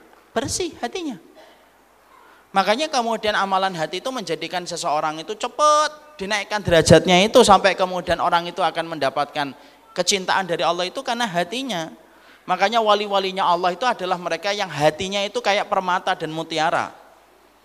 Wali-wali Allah itu bukan hanya nampak mempesona dalam amalan dohir, tapi sesungguhnya wali-walinya Allah itu mereka itu permata di dalam hatinya dan jiwanya. Karena ketika bersih hatinya dan jiwanya, mereka itu kemudian naik derajatnya begitu cepat di sisi Allah. Makanya para salaf itu memperhatikan bagaimana kebersihan hati itu jauh lebih besar daripada mereka memperhatikan amalan dohir. Dan orang yang memperhatikan amalan hati ibu, itu sebab orang diberikan khusnul khatimah. Ya ibu tahu nggak sekarang beberapa hari ini sebelum saya sampaikan ini ya, saya akan sampaikan kisah nyata tentang salah satu orang yang diberikan oleh Allah khusnul khatimah karena permintaannya dikabulkan oleh Allah berangkat dari hati yang bersih. Kisah ini terjadi pada waktu khilafah Sultan Murad yang keempat di daerah Turki. Yaitu saat itu pada waktu itu ada seorang laki-laki yang apabila punya harta maka dia itu membeli botol-botol minuman khamr. Membeli minuman khamr. Kemudian minuman khamr itu diborong sama dia. Setelah itu kemudian dibawa pulang. Kemudian minuman khamr itu dituang itu ke kemudian ke kamar mandi kemudian dituang. Lalu kemudian dia berkata sama istrinya moga-moga apa yang kita lakukan ini hari ini diterima oleh Allah. Dan semoga mengurangi dosa orang yang menjual khamr karena sesungguhnya minuman khamar yang dia jual tidak memabukkan orang. Kemudian orang ini kemudian suka kalau punya uang, itu kemudian dia itu suka mendatangi WTS. Kemudian perempuan itu diajak ke rumahnya, lalu kemudian dikasih uang dan dia ngomong di depan istrinya, ini uang ya, kamu tolong berhenti dari berzina. Kemudian dia ngomong sama istrinya, dia ngomong sama istrinya, Moga-moga rezeki yang kita berikan kepadanya itu kemudian mengurangi dosanya ketika beberapa hari dia tidak menjajakan tubuhnya. Kemudian istrinya berkata kepada suaminya, kalau kamu terus-terusan melakukan amal semacam itu, nanti orang akan berkomentar bahwasanya kamu pezina dan peminum khamr. Orang itu karena hatinya bersih dia berkata, dakhum, aku tidak memperdulikan omongan orang. Aku lakukan ini semata-mata karena Allah. Lalu kemudian istrinya sudah mulai mendengar bisik-bisik tetangga. Karena kita tahu ya, telinganya wanita kan lebih besar daripada telinganya laki-laki. Maka kemudian dia ngomong kembali sama suaminya, Mas ini nih tetangga-tetangga kita sudah banyak ngomong ini tentang kamu. Kamu itu peminum khamar dan kamu itu pezina. Barikan aja. Kemudian akhirnya apa yang terjadi? Kemudian istrinya berkata, Nanti kalau orang itu berkata dan berkomentar kamu sampah masyarakat, yang aku khawatirkan nanti kalau kamu mati, mereka tidak mau mengurusi dirimu nanti ketika meninggal dunia. Dan bisa jadi kemudian kamu tidak ada yang mengurusnya ketika mati. Kemudian laki-laki itu berkata, kalau nanti aku meninggal dunia, maka sesungguhnya ketika orang di sini tidak mau mengurusku, aku meminta sama Allah supaya Allah kirimkan khalifah murad yang keempat untuk mengurus aku dan kematianku ketika aku meninggal dunia. Dan ibu tahu bagaimana tiba-tiba pada waktu satu waktu Sultan Murad yang keempat itu tiba-tiba pingin pergi ke satu tempat di satu kota di satu wilayah. Padahal dia ketika ditanya sama bawahannya kenapa pingin pergi ke situ wahai khalifah, aku tidak ngerti tiba-tiba itu pingin datang ke kota itu. Akhirnya bawahannya menyepakati untuk kemudian menemani sang khalifah. Kita temenin, tapi syaratnya khalifah murad tidak berpakaian dengan pakaian sang raja, tapi berpakaian sebagaimana rakyat jelata. Disepakati ya. Mereka berombongan kemudian datang ke kota itu dan ketika datang ke kota itu dia menjumpai satu mayat di pinggir jalan di mana orang itu lalu lalang lalu lalang tidak ada yang memperhatikan. Lalu kemudian Sultan Murad itu sampai bingung. Kemudian bertanya kepada salah satu orang di kota tersebut, kenapa kalian biarkan mayat ini dan kalian tidak urus mayat ini ketika mati? Kemudian orang-orang itu berkata, dakhu, biarkan. Innahu syaribul khamri wazani. Dia itu peminum khamr dan dia seorang pezina. Kemudian karena khalifah itu bagaimanapun dia khalifah, maka dia bertanggung jawab. Kemudian dia ngurus mayat itu. Mayat itu dibawa ke rumah, ditanya mana alamatnya, kemudian ditemuin keluarga perempuannya, dan ibu tahu mayat itu adalah orang yang tadi sering membeli minuman khamr dan bersedekah kepada pezina untuk meninggalkan zinanya. Dan ketika sang istri menyambut suaminya, sang istri nanya, kamu ini siapa? Saya musafir. Kenapa kamu yang ngurus? Bagaimana warga di kampungku ketika mendapati mayat suamiku di pinggir jalan? Mereka tidak mau mengurus. Kenapa? Karena sesungguhnya mereka berkata suamimu itu adalah pezina dan peminum khamr. Kemudian istrinya berkata, suami saya bukan pezina dan bukan peminum khamr. Dan istrinya berkata, dan suamiku meminta kepada Allah, supaya nanti ketika meninggal, ketika tidak ada warga yang mengurusnya, dia meminta khusus kepada Allah supaya Sultan Murad yang keempat yang akan mengurusnya. Dan kaget ketika akhirnya musafir itu mengaku saya adalah sultan murad yang keempat. Dibayar cash kontan oleh Allah. Di situ kita mendapati apa kisah itu ada dalam kitab-kitab ibu. Untuk kemudian memberikan penggambaran kepada kita. Amalan hati itu masya Allah besar betul makanya salah satu di antara perkara yang bisa menjadikan kita dicintai oleh Allah itu adalah amalan hati dan bisa menjadikan kita mendapatkan khusnul khatimah itu ya amalan hati. Sekarang Ibu perhatikan orang-orang yang hari-hari ini mereka itu meninggal khusnul khatimah. Mungkin kan sering kita kan beberapa waktu ini sering mendapati orang-orang yang khusnul khatimah. Ada yang meninggal ketika khutbah. Meninggal ketika khutbah. Ada yang meninggal ketika adzan. Ada yang meninggal ketika kemudian sholat terawih satu Ramadan yang lalu. Ibu kalau memperhatikan fotonya, saya kalau kemarin tuh melihat yang khutbah itu. Menurut penampilan itu mungkin juga penampilannya masih biasa. Apalagi yang andan itu juga penampilannya masih biasa. Tapi kenapa mereka berpenampilan tampaknya biasa, belum terlalu syar'i penampilan mereka. Tapi kenapa kemudian mereka diwafatkan oleh Allah khusnul khatimah? Padahal kematian khusnul khatimah itu kematian yang tidak bisa didustakan. Makanya Nabi sampai mengatakan jangan terlalu kagum sama seseorang, jangan terlalu benci sama seseorang sampai kamu melihat bagaimana dia dimatikan oleh Allah. Karena kematian khusnul khatimah itu tidak bisa dibantah oleh mata dan yang lainnya. Seorang ustadz itu, kiai haji yang meninggal di Tangerang, tiga pekan atau satu bulan yang lalu, itu kiai haji. Maaf ya, mungkin tidak termasuk ustadz sunnah bagi sebagian kelompok. Tapi ternyata Masya Allah ketika khutbah, Beliau tiba-tiba kemudian sesek dadanya, kemudian jatuh dan ternyata meninggal dunia. Padahal Allah mampu gak menjadikan dia mati sebelum dia khutbah? Mampu. Mungkin dijadikan mencret dulu, mungkin dijadikan sakit perut, mungkin dijadikan sakit dia tidak khutbah. Tapi kenapa Allah jadikan dia khutbah sampai meninggalnya ketika khutbah? Karena pasti ada amalan yang beliau lakukan yang menjadikan Allah itu mencintainya. Kalau kita melihat dohirnya, tampak dohirnya itu kayak orang biasa ibu tapi kenapa Allah memilih mereka khusnul khatimah walaupun penampilan mereka masih biasa? Karena pasti ada amalan yang mereka lakukan di dalam hatinya yang menjadikan Allah itu membayar kontan amalan itu. Saya punya tetangga ibu, saya punya tetangga meninggal dunia ketika habis sholat isya, zikir duduk di musola. Orangnya itu suka ini loh, apa itu jenang itu loh, ngaduk jenang tahu ngaduk jenang, dodol, Beliau orang yang kemudian kalau bicara tentang masalah-masalah besar itu tidak paham dia.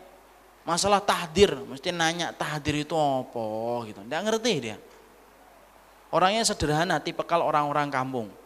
Yang mana ketika kemudian andan ya beliau sholat. Kemudian andan sholat, andan sholat selalu begitu.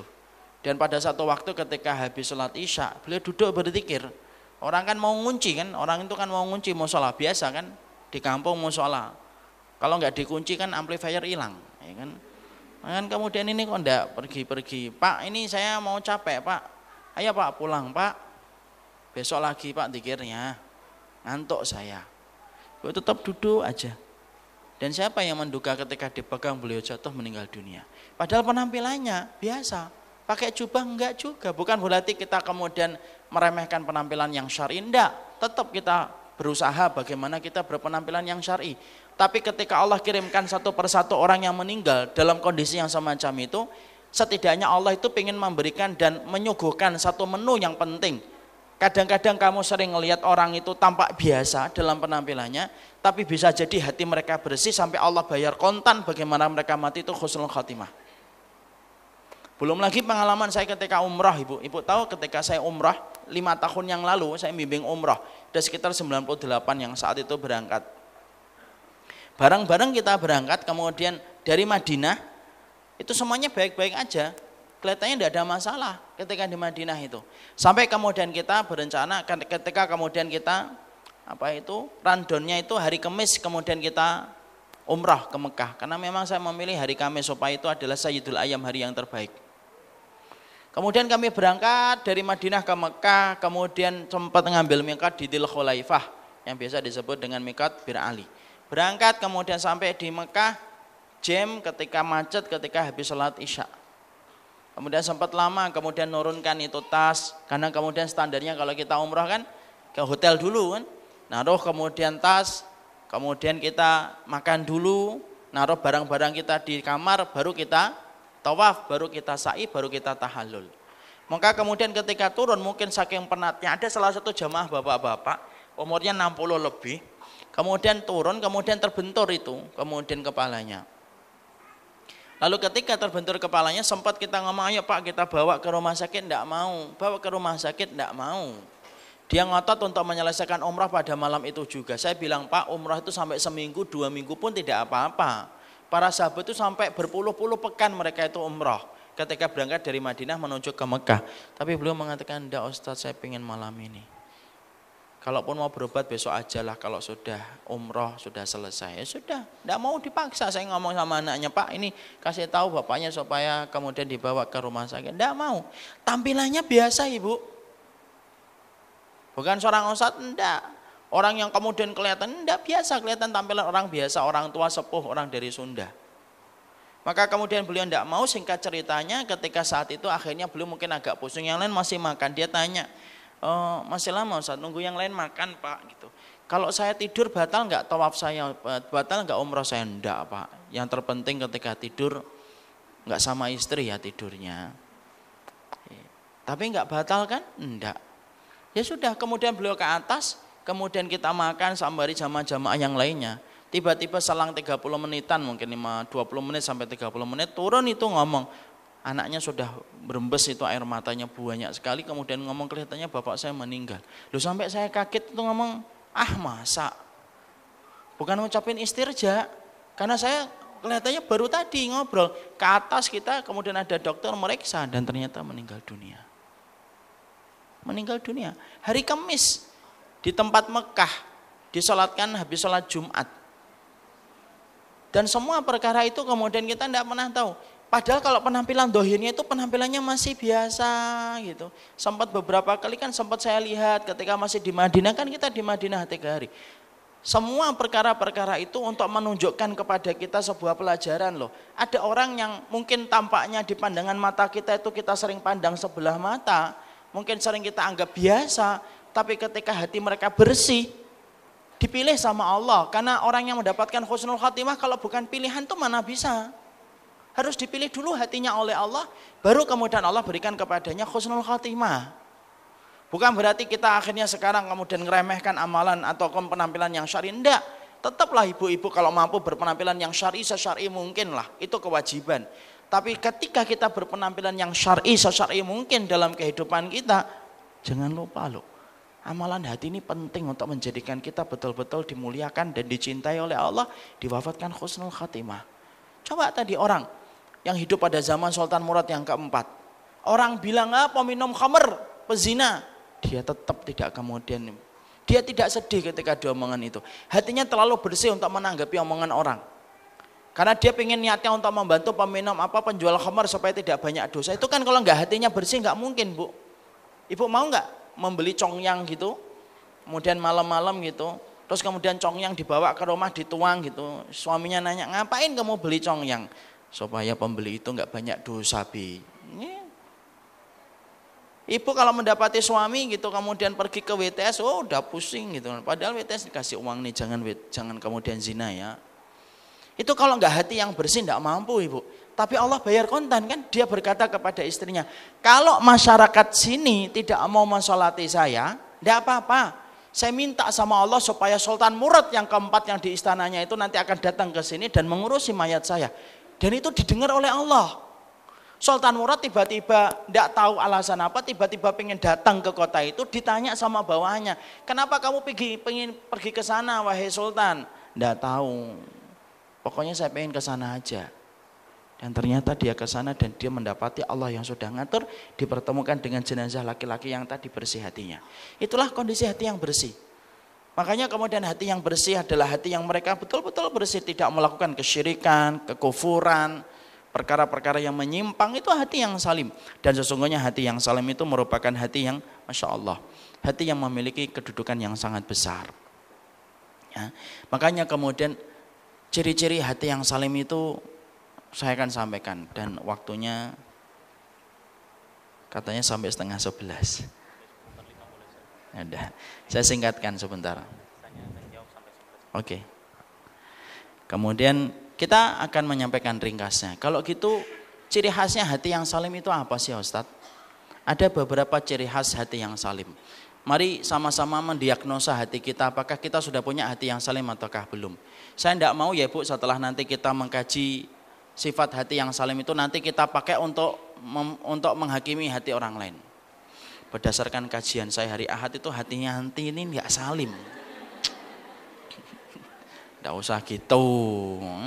Nanti kita akan mempelajari ciri khasnya hati yang salim supaya kemudian kita ngerti bagaimana kita mengerti hati kita yang salim itu apakah hati kita salim ataukah belum. Ada setidaknya lima sifat di antara banyak sifat untuk menunjukkan hati yang salim. Karena ini waktunya sudah terbatas, saya tidak bisa menjelaskan satu persatu kecuali global-global poinnya saja. Yang pertama, hati yang salim itu adalah hati yang patuh tanpa syarat, taat tanpa tapi, sama perintahnya Allah. Jadi kalau mereka sudah mendapati perintah Allah itu asam'u wa ta'ah. Gampang dia. Dia memberikan kepatuhan dan ketaatan itu mutlak hanya kepada Allah semata. Itu hati yang salim. Patuh tanpa syarat, taat tanpa tapi. Tidak mikir-mikir dia. Makanya ajaran madhab yang agak bahaya itu ibu. Madhab yang baik itu madhab Abu Hanifah, Syafi'i, Ahmad, Maliki. Tapi ada madhab yang kurang baik. Bahkan bahaya madhab ini. Apa madhab yang bahaya? Madhab tapi kaniyah. Madhab tapi kaniyah itu adalah madhab kalau disampaikan ini loh dalilnya. Tapi kan, nah itu, itu bahaya. Yang suka kemudian kalau bicara ini ini ini, ini. Nah, tapi kan ustadz nah itu itu bahaya itu. Sudah diomongin dalil gitu. Tapi kan nah itu. Nah, disampaikan ini gini gini. Ibu-ibu harus pakai kaos kaki ya. Karena sesungguhnya kaki itu aurat. Pakai kaos kaki itu hukumnya wajib atau enggak ibu wajib atau enggak ihtilaf mana tahu mana Memakai kaos kaki itu hukumnya wajib atau enggak? Enggak wajib dia. Yang wajib itu menutup kaki. Mau pakai kresek ya enggak apa-apa. Tapi yang ter, yang terpenting itu kemudian kakinya ditutup karena auratnya perempuan itu semuanya kecuali wajah dan kedua dan kemudian telapak tangan. Para ulama beda pendapat. Kalau kemudian pakai cadar Ustadz, ah ini beda-beda para ulama. Kalau kemudian Imam Abu Hanifah dan Malik mengatakan menutup pakai cadar itu hukumnya adalah sunnah. Dan kemudian menjadi wajib ketika dia khawatir akan banyak mandorotnya. Jadi kalau wanita-wanita yang berpotensi itu sering bisa menjadikan laki-laki pusing memandang wajahnya pakai cadar. Kalau kata Imam Malik, kemudian kata Imam Abu Hanifah. Itu terjadi perbedaan. Tapi yang jelas bahwasannya Ciri khasnya hati yang salim itu adalah hati yang patuh tanpa syarat, taat tanpa tapi. Dan kalau kemudian kita ingin mendapatkan surga itu ya harus menyepakati untuk kemudian taat sama Allah. Dan itu hal yang lumrah.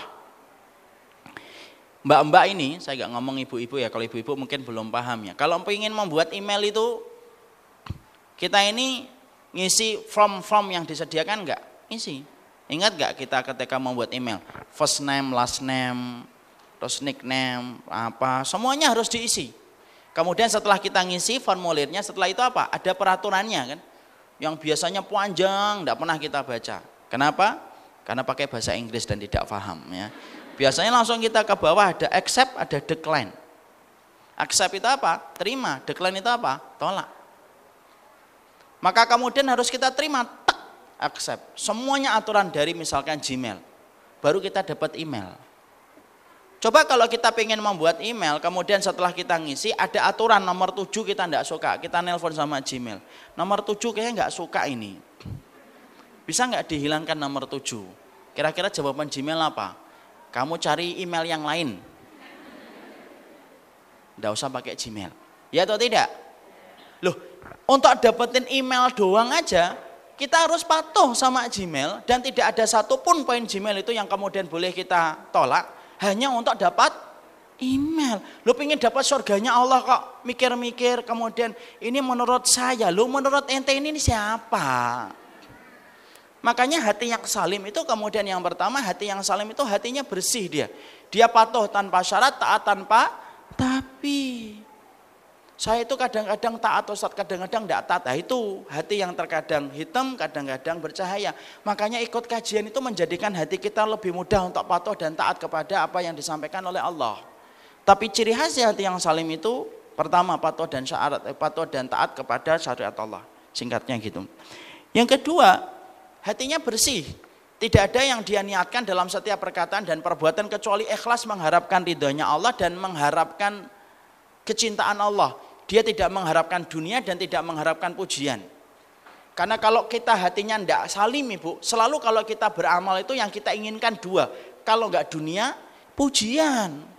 Ada nggak orang yang beramal untuk dunia? Banyak. Ngundang anak yatim supaya rezekinya tambah lancar. Loh kan? Bukannya ngundang anak yatim supaya nanti ketemu dengan Rasul, malah kemudian supaya dunianya lancar. Tidak boleh.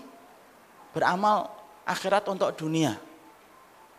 Kita puasa gara-gara ngeliat timbangan 78 puasa. Itu amalan-amalan untuk dunia itu cermin dari hati yang kotor. Akhirnya apa? Amalannya itu kemudian bukan berdasarkan Allah. Tapi betul-betul ketika dia beramal tidak ada yang dia harapkan dari amalannya itu kecuali ridhonya Allah. Dan mendapatkan hati yang mukhlis dan ihsan itu susah. Tapi itu salah satu cermin hati yang salim. Apalagi ikhlas ibu, susah. Makanya menjaga hati itu susah. Menjaga niat yang ikhlas itu kewajiban selama hayat di kandung badan. Makanya tolonglah bantu temannya untuk menjaga hati. Makanya kalau ngelihat temannya baik, solih, tidak usah dipuji di depan dia. Karena itu bisa merusak hatinya. Masya Allah ya mbak, sekarang mbak ketika ngaji, Masya Allah gitu. Teduh banget. Gitu. Apalagi setelah pakai hijab, Masya Allah gitu. Jilbabnya pas deh, pulang ke rumah langsung lihat kaca dia. Tiga hari itu jilbabnya nggak dicuci. Makanya kata Nabi itu idaro'ai talmaddahin kalau kamu melihat orang itu yang sering memujimu itu fahsu fi wujuhim anturab. Kalau kamu sering melihat orang muji-muji kamu, ambil itu kemudian pasir, taburkan pasir di wajah orang yang muji itu. Itu kata kiasan, tidak usah bawa pasir ke mana-mana. Nanti ngajukan anggaran ke suami, beli tas lagi bisa satu bin. Untuk apa dik? Naruh pasir kamu kan tahu istrimu sering dipuji orang. Tidak usah gitu. Tapi makanya kemudian kalau muji orang di belakang, kenapa ibu? Sesungguhnya hati manusia itu lebih rapuh daripada gelas-gelas kaca. Ya, yang tahun 80-an pasti ketawa karena ngerti gelas-gelas kaca. Saya maaf ya, soalnya bukan 80-an, saya 90-an. Ya. Maka kemudian hati itu kemudian hati yang paling rapuh itu hatinya manusia, pemilik hati kaca itu paling susah untuk menjaga niat. Tapi kalau hati kita salim, kita tidak butuh omongan orang, kita tidak butuh pujian orang, kita tidak butuh dunia. Ibadah kita hanya untuk mendapatkan ridhonya Allah. Tapi maaf loh, menjaga hati itu susah. Hari ini kita ikhlas belum tentu besok ikhlas. Besok ikhlas belum tentu lusa lagi ikhlas. Karena susahnya untuk menjaga hati. Saya ambilkan contoh yang gampang ya menjaga hati itu susah. Ibu kadang-kadang kalau puasa sunnah, malamnya ikhlas, sahurnya ikhlas, paginya ikhlas betul. Duha ikhlas.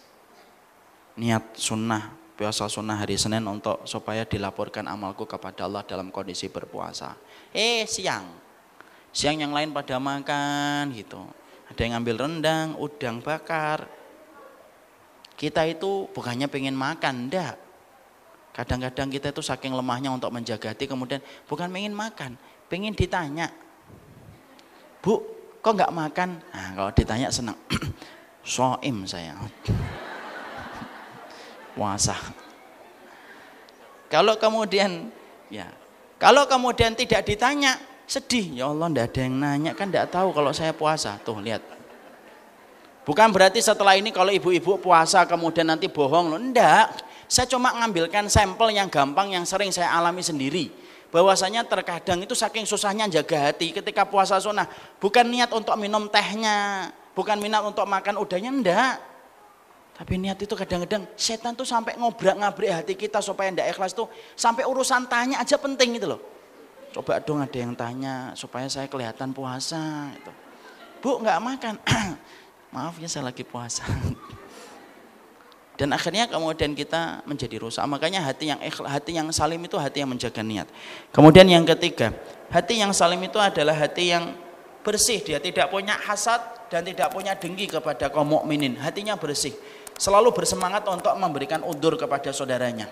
Jadi kalau ada saudaranya melakukan sesuatu dia memberikan alasan. Oh bisa jadi dia begini. Oh dia bisa jadi begini. Mbak kemarin saya melihat Ustadz itu jalan sama perempuan. Oh mungkin itu keponakannya Oh mungkin itu kemudian adalah ibunya. Enggak kok mbak, masih muda kok. Nah, itu mungkin istrinya yang kedua gitu. Contoh. Tapi semangatnya itu ngasih udur. Semangatnya memberikan u, udur. Jadi kemudian dia itu semangatnya ngasih udur. Dan dia tidak punya dengki dan tidak punya hasad kepada orang yang beriman. Itu cermin khusus. Makanya kalau ada orang dikit-dikit, kamu tahu nggak? Orangnya kayak gitu tapi saya tahu itu dibalik semuanya itu. Ah, itu cermin hatinya kotor itu. Makanya yang keluar itu cermin dari isi teko hatinya. Hati itu kan kayak teko. Teko itu pernah nggak mengeluarkan sesuatu yang berbeda dalam isi teko? Nggak pernah. Kalau teko isinya teh yang keluar teh. Ada nggak isinya teh keluarnya susu? Nggak ada. Kalau ada saya pengen beli teko kayak gitu. Lah hati kita ini kayak teko. Omongan kita itu yang menandakan hati kita. Ada orang kok ngomongin orang, ya sudah. Memang kerjaan di dalam hatinya itu memang gitu aja. Dan itu bukan hati yang salim. Ini panjang sebenarnya, tapi ya waktu yang menjauh. Kemudian yang keempat, yaitu, ha? yang keempat, yang keempat. Masya Allah ya. Ya sudah, hati kita salim kan, kasih udur. Ya, mungkin tadi ketiduran. ya jadi tidur beberapa detik dia, lewat akhirnya. Kan hati kita salim insya Allah. Kalau hati salim tidak usah cerita-cerita, jadinya riak. Insya Allah hati saya salim. Nah itu riak jadinya. kemudian yang keempat, kemudian hati yang salim itu adalah hati yang bergegas dalam melakukan kebaikan. Sifatnya cepat gitu loh. Kalau melakukan kebaikan itu cepat. Karena dia ingat satu hadis. Orang yang suka melambatkan kebaikan akan dilambatkan kebaikannya oleh Allah di akhirat. Contoh nih yang paling gampang Bu Ne, Bu E misalkan, seorang suami manggil istrinya. Ini ada uang nih, sekitar 70 juta, mau beli mobil atau haji dulu? Haji mas, mobil nanti, haji dulu. Nah, itu salah satu ciri khas hati yang salim, bergegas dalam kebaikan. Kemudian tiba-tiba jalan gitu, andan, mas berhenti mas, berhenti mas, andan, yang kita sholat dulu. Jangan kemudian mas berhenti mas ada masjid ngapain? Pengen kencing, enggak.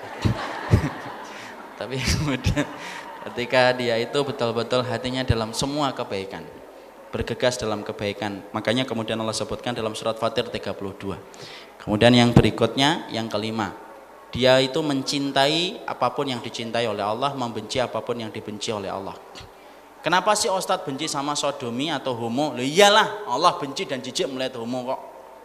Kenapa sih Ustadz kemudian benci sama orang kafir ketika kemudian begini dan begitu? Iyalah Allah yang membencinya kok. Semua itu menjadikan kita akhirnya apa? Membenci apa yang dibenci oleh Allah, mencintai apa yang dicintai oleh Allah. Ini penjelasannya panjang. Dan beliau tadi sudah ngingetin 5 menit lagi ya Ustaz. Dan itu pun sudah 10 menit yang lalu. Jadi saya kira cukup pembahasan kita walaupun sebenarnya masih panjang Ibu. Perjalanan ke Surabaya ini kita baru sampai bandara, masih panjang tapi ala kulihal waktu jualah yang membatasi, tapi setidaknya kita paham hati yang bersih itu penting.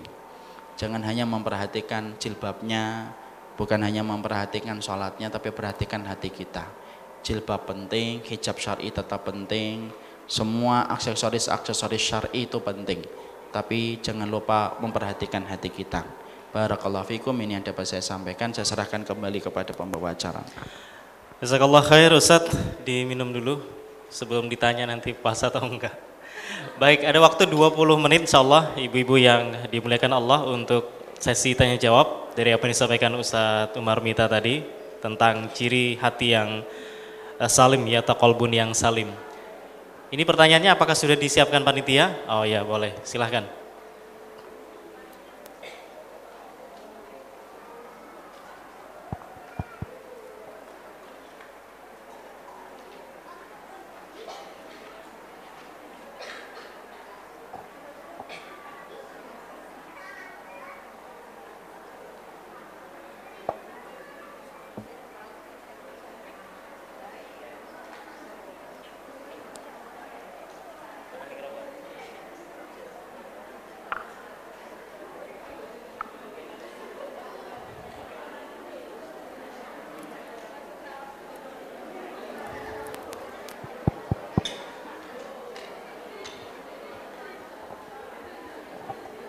Boleh, silakan yang pakai mikrofon juga boleh, kata panitia. Yang pakai kertas juga boleh. Iya. Iya, silakan Ibu. Assalamualaikum warahmatullahi wabarakatuh. Bismillah, alhamdulillah, hamdan dan syukran lillah amma ba'du. Yang kami hormati Al Ustadz Umar Mita.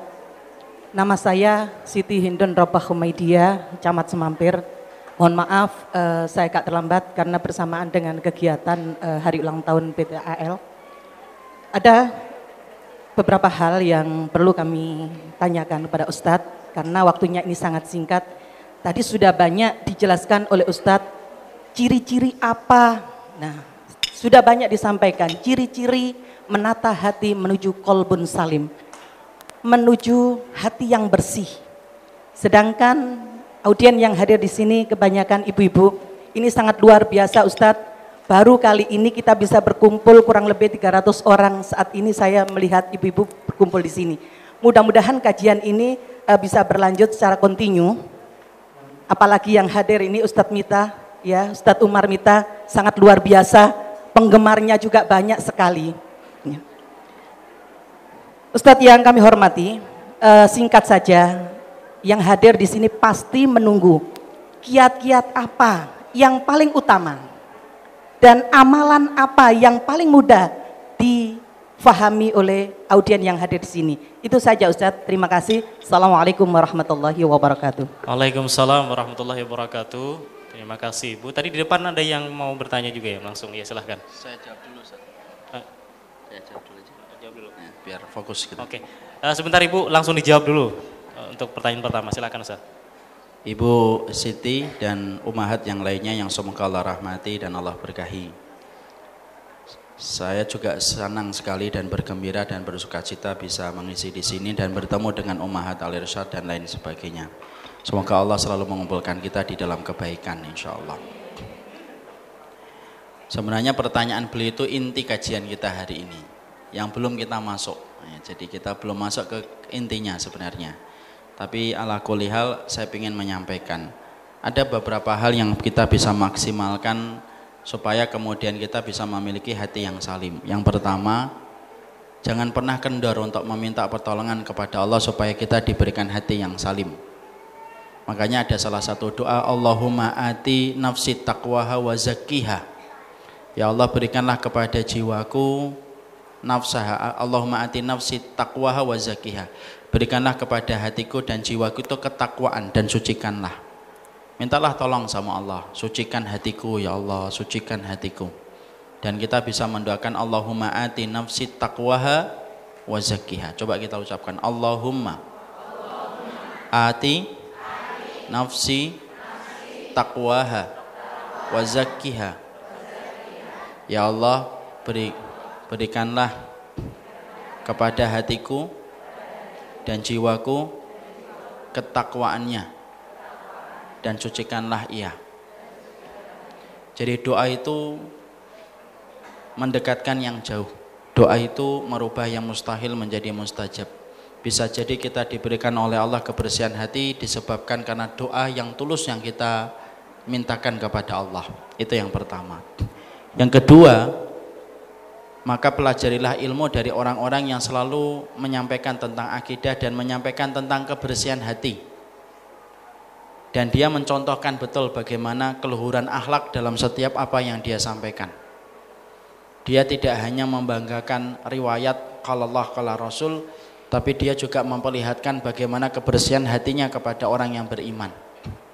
Karena kalau kita mendapatkan pengajaran yang salah, Ibu, maka akibatnya penyakit hati itu menular. Makanya para ahli hikmah itu berkata su'ul khuluqi yu'ti, penyakit buruk itu nular.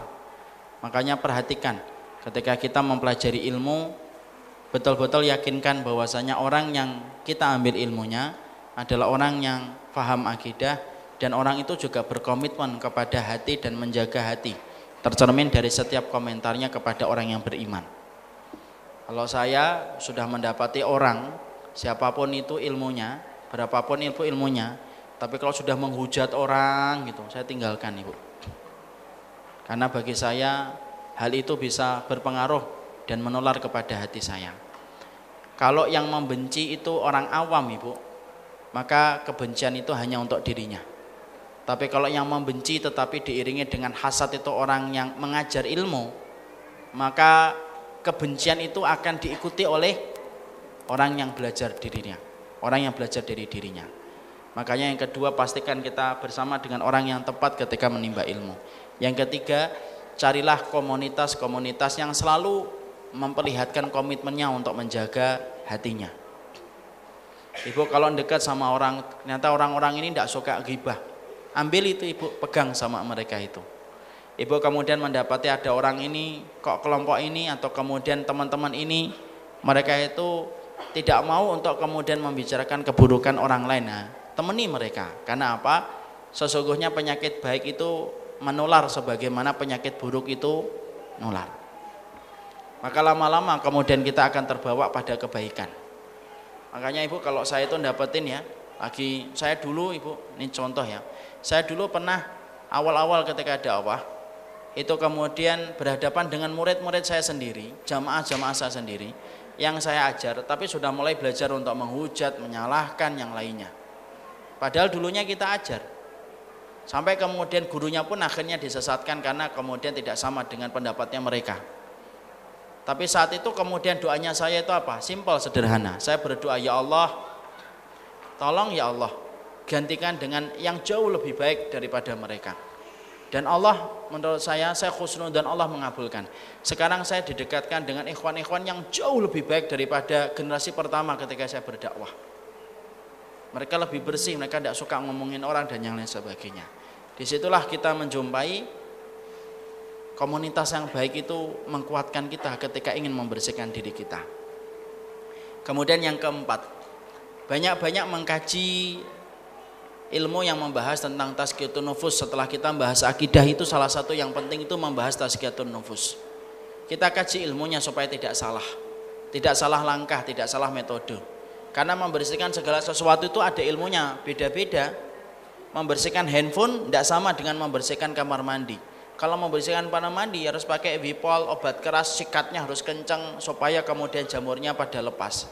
Tapi kalau membersihkan handphone, enggak, caranya enggak sama, harus lembut. Kalau pakai Wipol, rusak handphone kita. Sama, membersihkan handphone dan kamar mandi beda, membersihkan hati pun beda.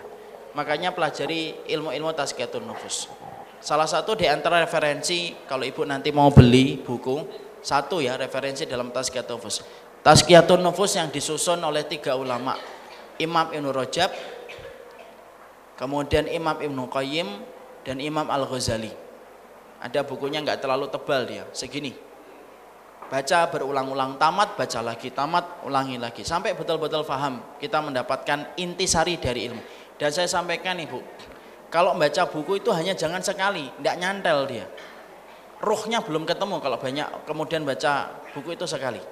Kebanyakan masyarakat kita itu kalau baca buku sekali itu masih mending daripada sebagian beli buku dua tahun masih ada plastiknya.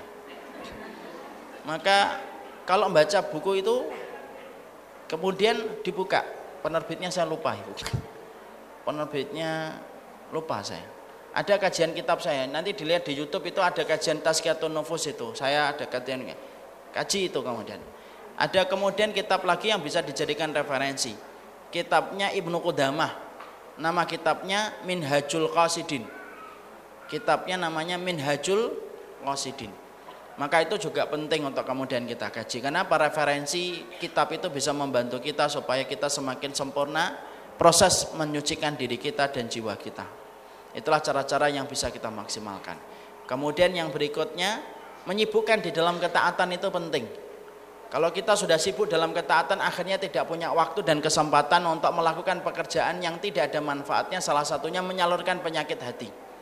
Ibu kalau sibuk bangun langsung pokoknya saya bangun langsung dikir, langsung baca Quran. Dibuat itu runutan-runutannya itu jelas itu tiap hari. Maka tidak ada waktu lagi yang tersisa untuk menguras masalah penyakit hatinya. Kalau kemudian kita sudah sibuk di dalam ketaatan, makanya Imam Ibnu Qayyim berkata, sibukkanlah hatimu dan jiwamu dalam ketaatan supaya tidak disibukkan setan dengan bisikannya. Makanya terbiasa ibu, ayo kita buat rundown acara kita satu hari itu apa? Terus sibuk terus itu. Supaya tidak punya kesempatan untuk kemudian longgar. Sekalinya punya kesempatan longgar, situ bisikan setan masuk, penyakit hati mulai muncul kembali. Makanya menyebutkan dalam ketaatan itu juga merupakan terapi untuk menghadirkan hati yang salim. Barakallahu fiq. Itu mungkin sebagian dari terapi untuk mendapatkan hati yang salim. Baik, ini ada beberapa pertanyaan yang juga ditulis hampir sama dengan pertanyaan dari Ibu tadi. Ustadz sudah terjawab ya. Tadi yang bertanya adalah Ibu Camat Kecamatan Semampir di sini. Ahlan, Ibu tadi silakan satu lagi ya. Setelahnya, setelahnya saya baca yang melalui kertas. Silahkan. Terima kasih. Assalamualaikum warahmatullahi wabarakatuh. Salam Ibu. Ustadz untuk menata hati tadi seperti contoh Ustadz tadi kalau kita berpuasa terus di tengah orang lain kalau kita mengalihkan ya enggak apa-apa nanti sebentar sebentar artinya akan kita berbohong apakah itu termasuk menata hati atau kita malah menimbulkan dosa iya terima kasih yang terpenting itu ibu adalah kita kita tidak boleh bohong Kalau memang ditanya, Mbak puasa ya? Iya. Yang paling penting adalah penekanan dari contoh ini adalah supaya kita ngerti ketika kita tiba-tiba ditanya semacam itu cepat-cepat mengendalikan hatinya supaya hati kita menjadi hati yang terjaga niatnya. Mengendalikan itu gimana Ustaz? Kita astagfirullah gitu. Ya banyak-banyak kita ya Allah, ya Allah ikhlaskan hatiku ya Allah. Ikhlaskan hatiku. Banyak dialog dengan hati kita masing-masing.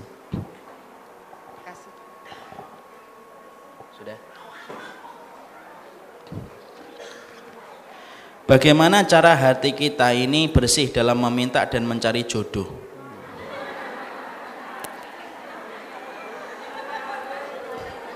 Langsung, kalau nyari jodoh langsung.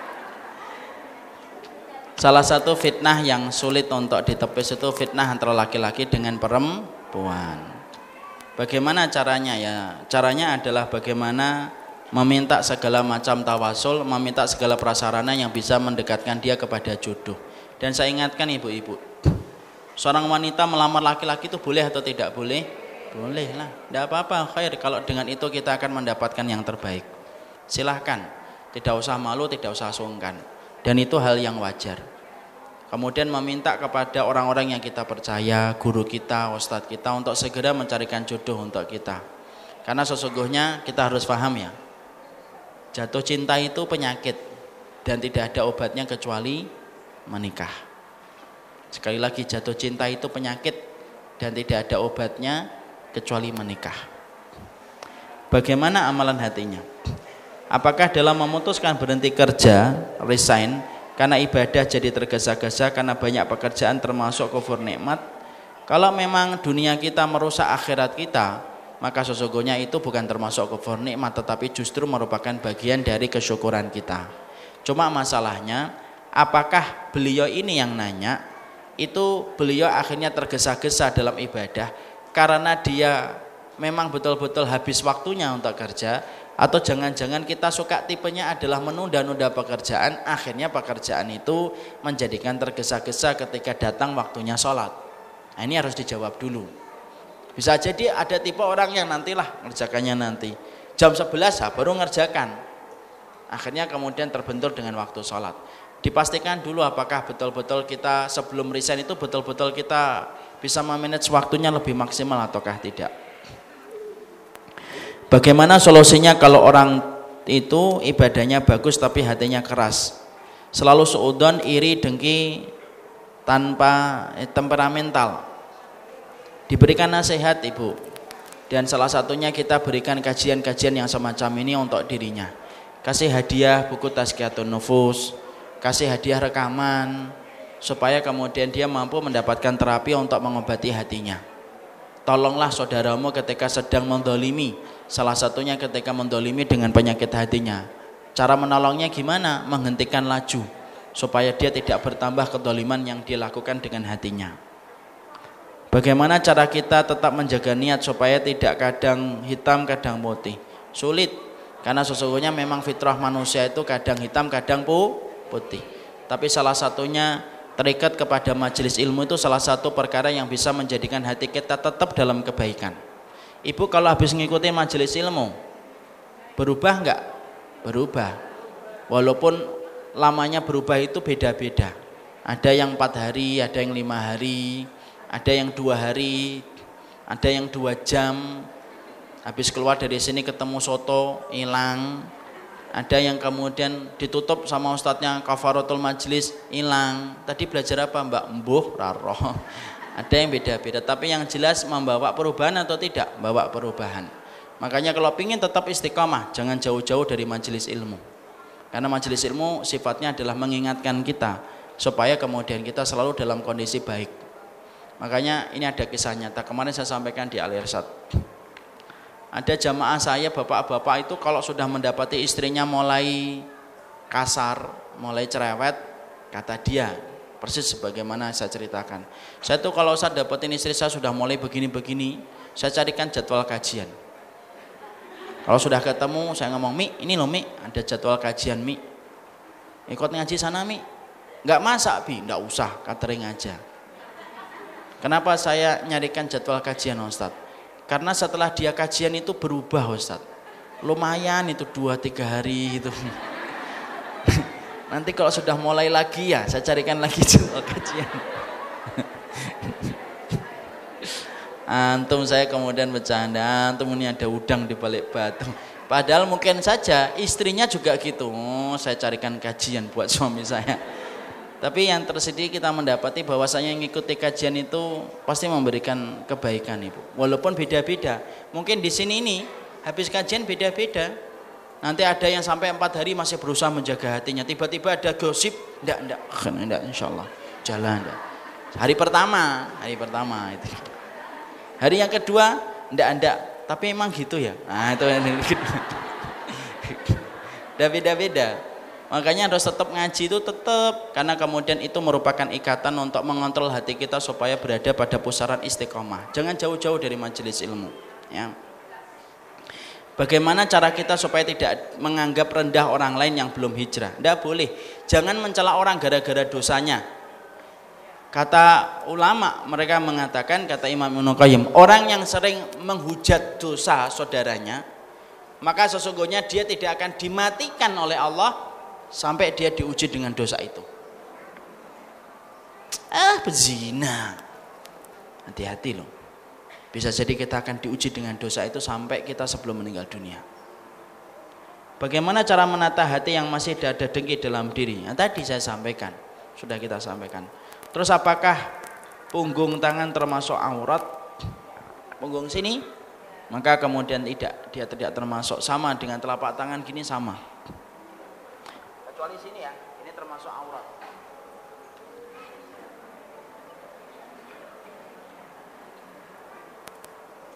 Kisah Abu Domdom mengingatkan saya perkataan seorang ustadz baru-baru ini tentang perkataan ulama sombong kepada orang yang sombong adalah sodako itu perkataan ulama ya.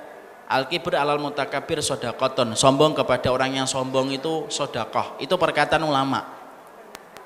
Dan yang saya tahu ustaz tersebut tidak mengatakan hadis. Beliau mengatakan perkataan.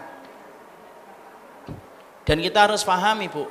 Ustaz tersebut ketika beliau mengatakan semacam itu karena beliau melihat ada orang yang menyombongkan dirinya ketika dia melepas hijab kalau melepas hijab tanpa dia menyombongkan diri, tidak apa-apa lah. Kita harus bantu supaya nanti dia berhijab kembali. Tapi kalau dia mengatakan, buat apa butuh agama kalau kita sudah jadi baik? Itu namanya sombong atau tidak sombong? Itu harus paham. Jangan sibuk menilai asap tapi lupa sama apinya. Ada yang membicarakan hadisnya itu tidak ada. Itu namanya sibuk sama asap. Jangan terbiasa sibuk sama asap. Apinya dulu kenapa sampai Ustadz itu berkata itu? Kalau seseorang itu menyelesaikan masalah itu dia membedakan mana asap, mana api. Yang dia fokuskan itu apinya, jangan asapnya. Itu yang kita harus pahami. Maka kemudian contohnya sombong kepada orang sombong itu gimana Ustaz? Contoh nih, ada orang ngomong sama saya, ah mobil saya tiga itu nganggur semua di rumah. Mobil saya ini 200 jutaan itu, tiga berarti 600 juta itu. Hmm bannya saja, oh bannya itu bisa beli gerobak. Kemudian kita, oh, terus kemudian kita, sebenarnya kita lebih kaya daripada dia. Tiba-tiba kita nelpon itu, asisten kita, tolong ya persiapkan helikopter saya butuh nanti dua jam lagi. Nah, itu namanya, itu namanya sodakah kepada orang sombong, supaya orang sombong itu diam. Pak Ustadz apa perbedaan antara kolbun, kabir dan fuad dan nafsun? Kolbun dan fuad sama, nafsun itu jiwa. Perbedaannya secara lebih mendetail saya tidak tahu. Wallah alam bisawab la adri. Afan Ustadz mau tanya di luar tema. Ada seorang suami sudah belasan tahun tidak bisa kumpul dengan istrinya, tidak bisa berhubungan karena istrinya sakit. Sang suami tidak mau menikah lagi karena takut sama istrinya. Dan anak-anaknya dan malu sama masyarakat ini curhat ini. Akhirnya suami melakukan zina atau perbuatan maksiat onani. Terus pertanyaannya apa? Ada Nah itu dosa ibu, nah, kayak gitu. Makanya kemudian syariat poligami itu harus dipahami secara ma'ruf. Makanya kalau sampai akhirnya berlaku zina, nah itu masya Allah itu dosa besar itu. Zina itu utang. hari ini kita berzina maka keturunan kita akan dizinai oleh orang lain. Azina dainun wa qada'uhu fi ahlihi. Zina itu utang dan membayarnya lewat anggota keluarganya nanti. Hati-hati sama zina. Afan Ustaz mohon didoakan kebaikan untuk ulama kami Ustaz Abu Bakar Bashir. Semoga Allah memberikan keringanan untuk beliau, membebaskan beliau dari semua penderitaan dan menggantinya dengan banyak kebaikan dalam semua kebaikan yang beliau lakukan. Ustadz saya mau nanya di luar tema, di luar tema semuanya ini. Bagaimana cara mengundang Ustadz untuk ngisi kajian? Nah,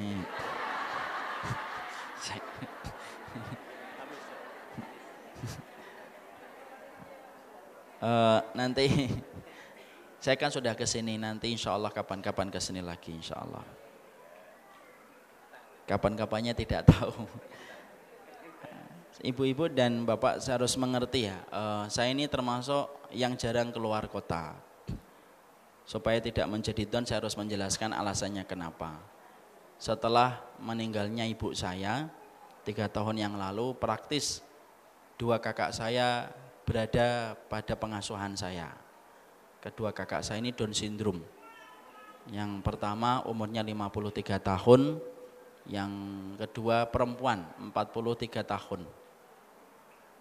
Dan mereka ya sebagaimana Down syndrome lainnya. Jadi kalau makan harus disiapkan, mandi harus dimandikan, BAB dan yang lainnya. Alhamdulillah ada pembantu yang bisa membantu, ada istri yang membantu alhamdulillah. Cuma bagaimanapun kehadiran saya kan penting karena mereka itu salah satu penggantinya ibu adalah saya selain bapak. Bapak juga umurnya 83. Dan itulah alasan kenapa saya menempatkan atau kemudian menjadwalkan keluar kota dua bulan sekali karena posisi yang sulit yang menjadikan saya sulit keluar kota. Sebenarnya Surabaya ini jadwal saya di 2019 tapi qadarullahu mayasya ada sahabat saya sendiri yang minta ya dengan izin Allah akhirnya bertemu. Tapi alhamdulillah bertemu dengan hal yang luar biasa balik ke Jakarta membawa oleh-oleh yang luar biasa insya Allah jadi kalau Ibu Iwan nanti minta untuk ngisi kajian kalau di sini kelihatannya masih lama ya nanti tapi insya Allah kalau Allah sudah menakdirkan pasti kita bertemu kembali kalau kata orang di luar kalau jodoh tidak ke mana apa anak umur 8 tahun yang sering berbohong karena permintaannya ditolak juga penyakit hati? Itu nafsu ibu. Anak itu punya nafsu dari kecil. Makanya harus diterapi anak-anak yang punya nafsu semacam itu. Terapinya adalah bagaimana menanamkan antara hukuman dengan penghargaan. Reward dengan punishment itu harus terus kita lakukan sama anak-anak. Kadang-kadang kita harus bentak anak keras, kadang-kadang kita lembut. Makanya kalau kita sedang dapatnya ada orang tua kok bentak anak, jangan langsung diambil kesimpulan eh kasar bapaknya. Tidak gitu. Mungkin bapaknya sudah lembut, tapi saat itu anaknya tetap tidak berubah. Hanya dia menggunakan cara keras. Karena punishment dan reward itu satu kesatuan yang tidak dipisahkan. Makanya kayak Allah, Allah itu ada menerangkan surga, menerangkan neraka, surga, neraka, surga, neraka, bergantian itu. Dan itulah yang harus dilakukan. Barakallahu fikum. Senang bertemu dengan umahat semuanya. Mohon maaf kalau ada tutur kata dan bercanda yang melampaui batas. Semoga Allah mengumpulkan kita di dunia, Amin. memperjumpakan kita di akhirat. Amin. Berikutnya doa Ustaz sebelum kita tutup. Iya, mari kita tutup dengan doa kafaratul majelis. Semoga Allah memberkahi majelis kita. Subhanakallahumma wa bihamdika asyhadu an la ilaha illa anta astaghfiruka wa atubu ilaika. Assalamualaikum warahmatullahi wabarakatuh.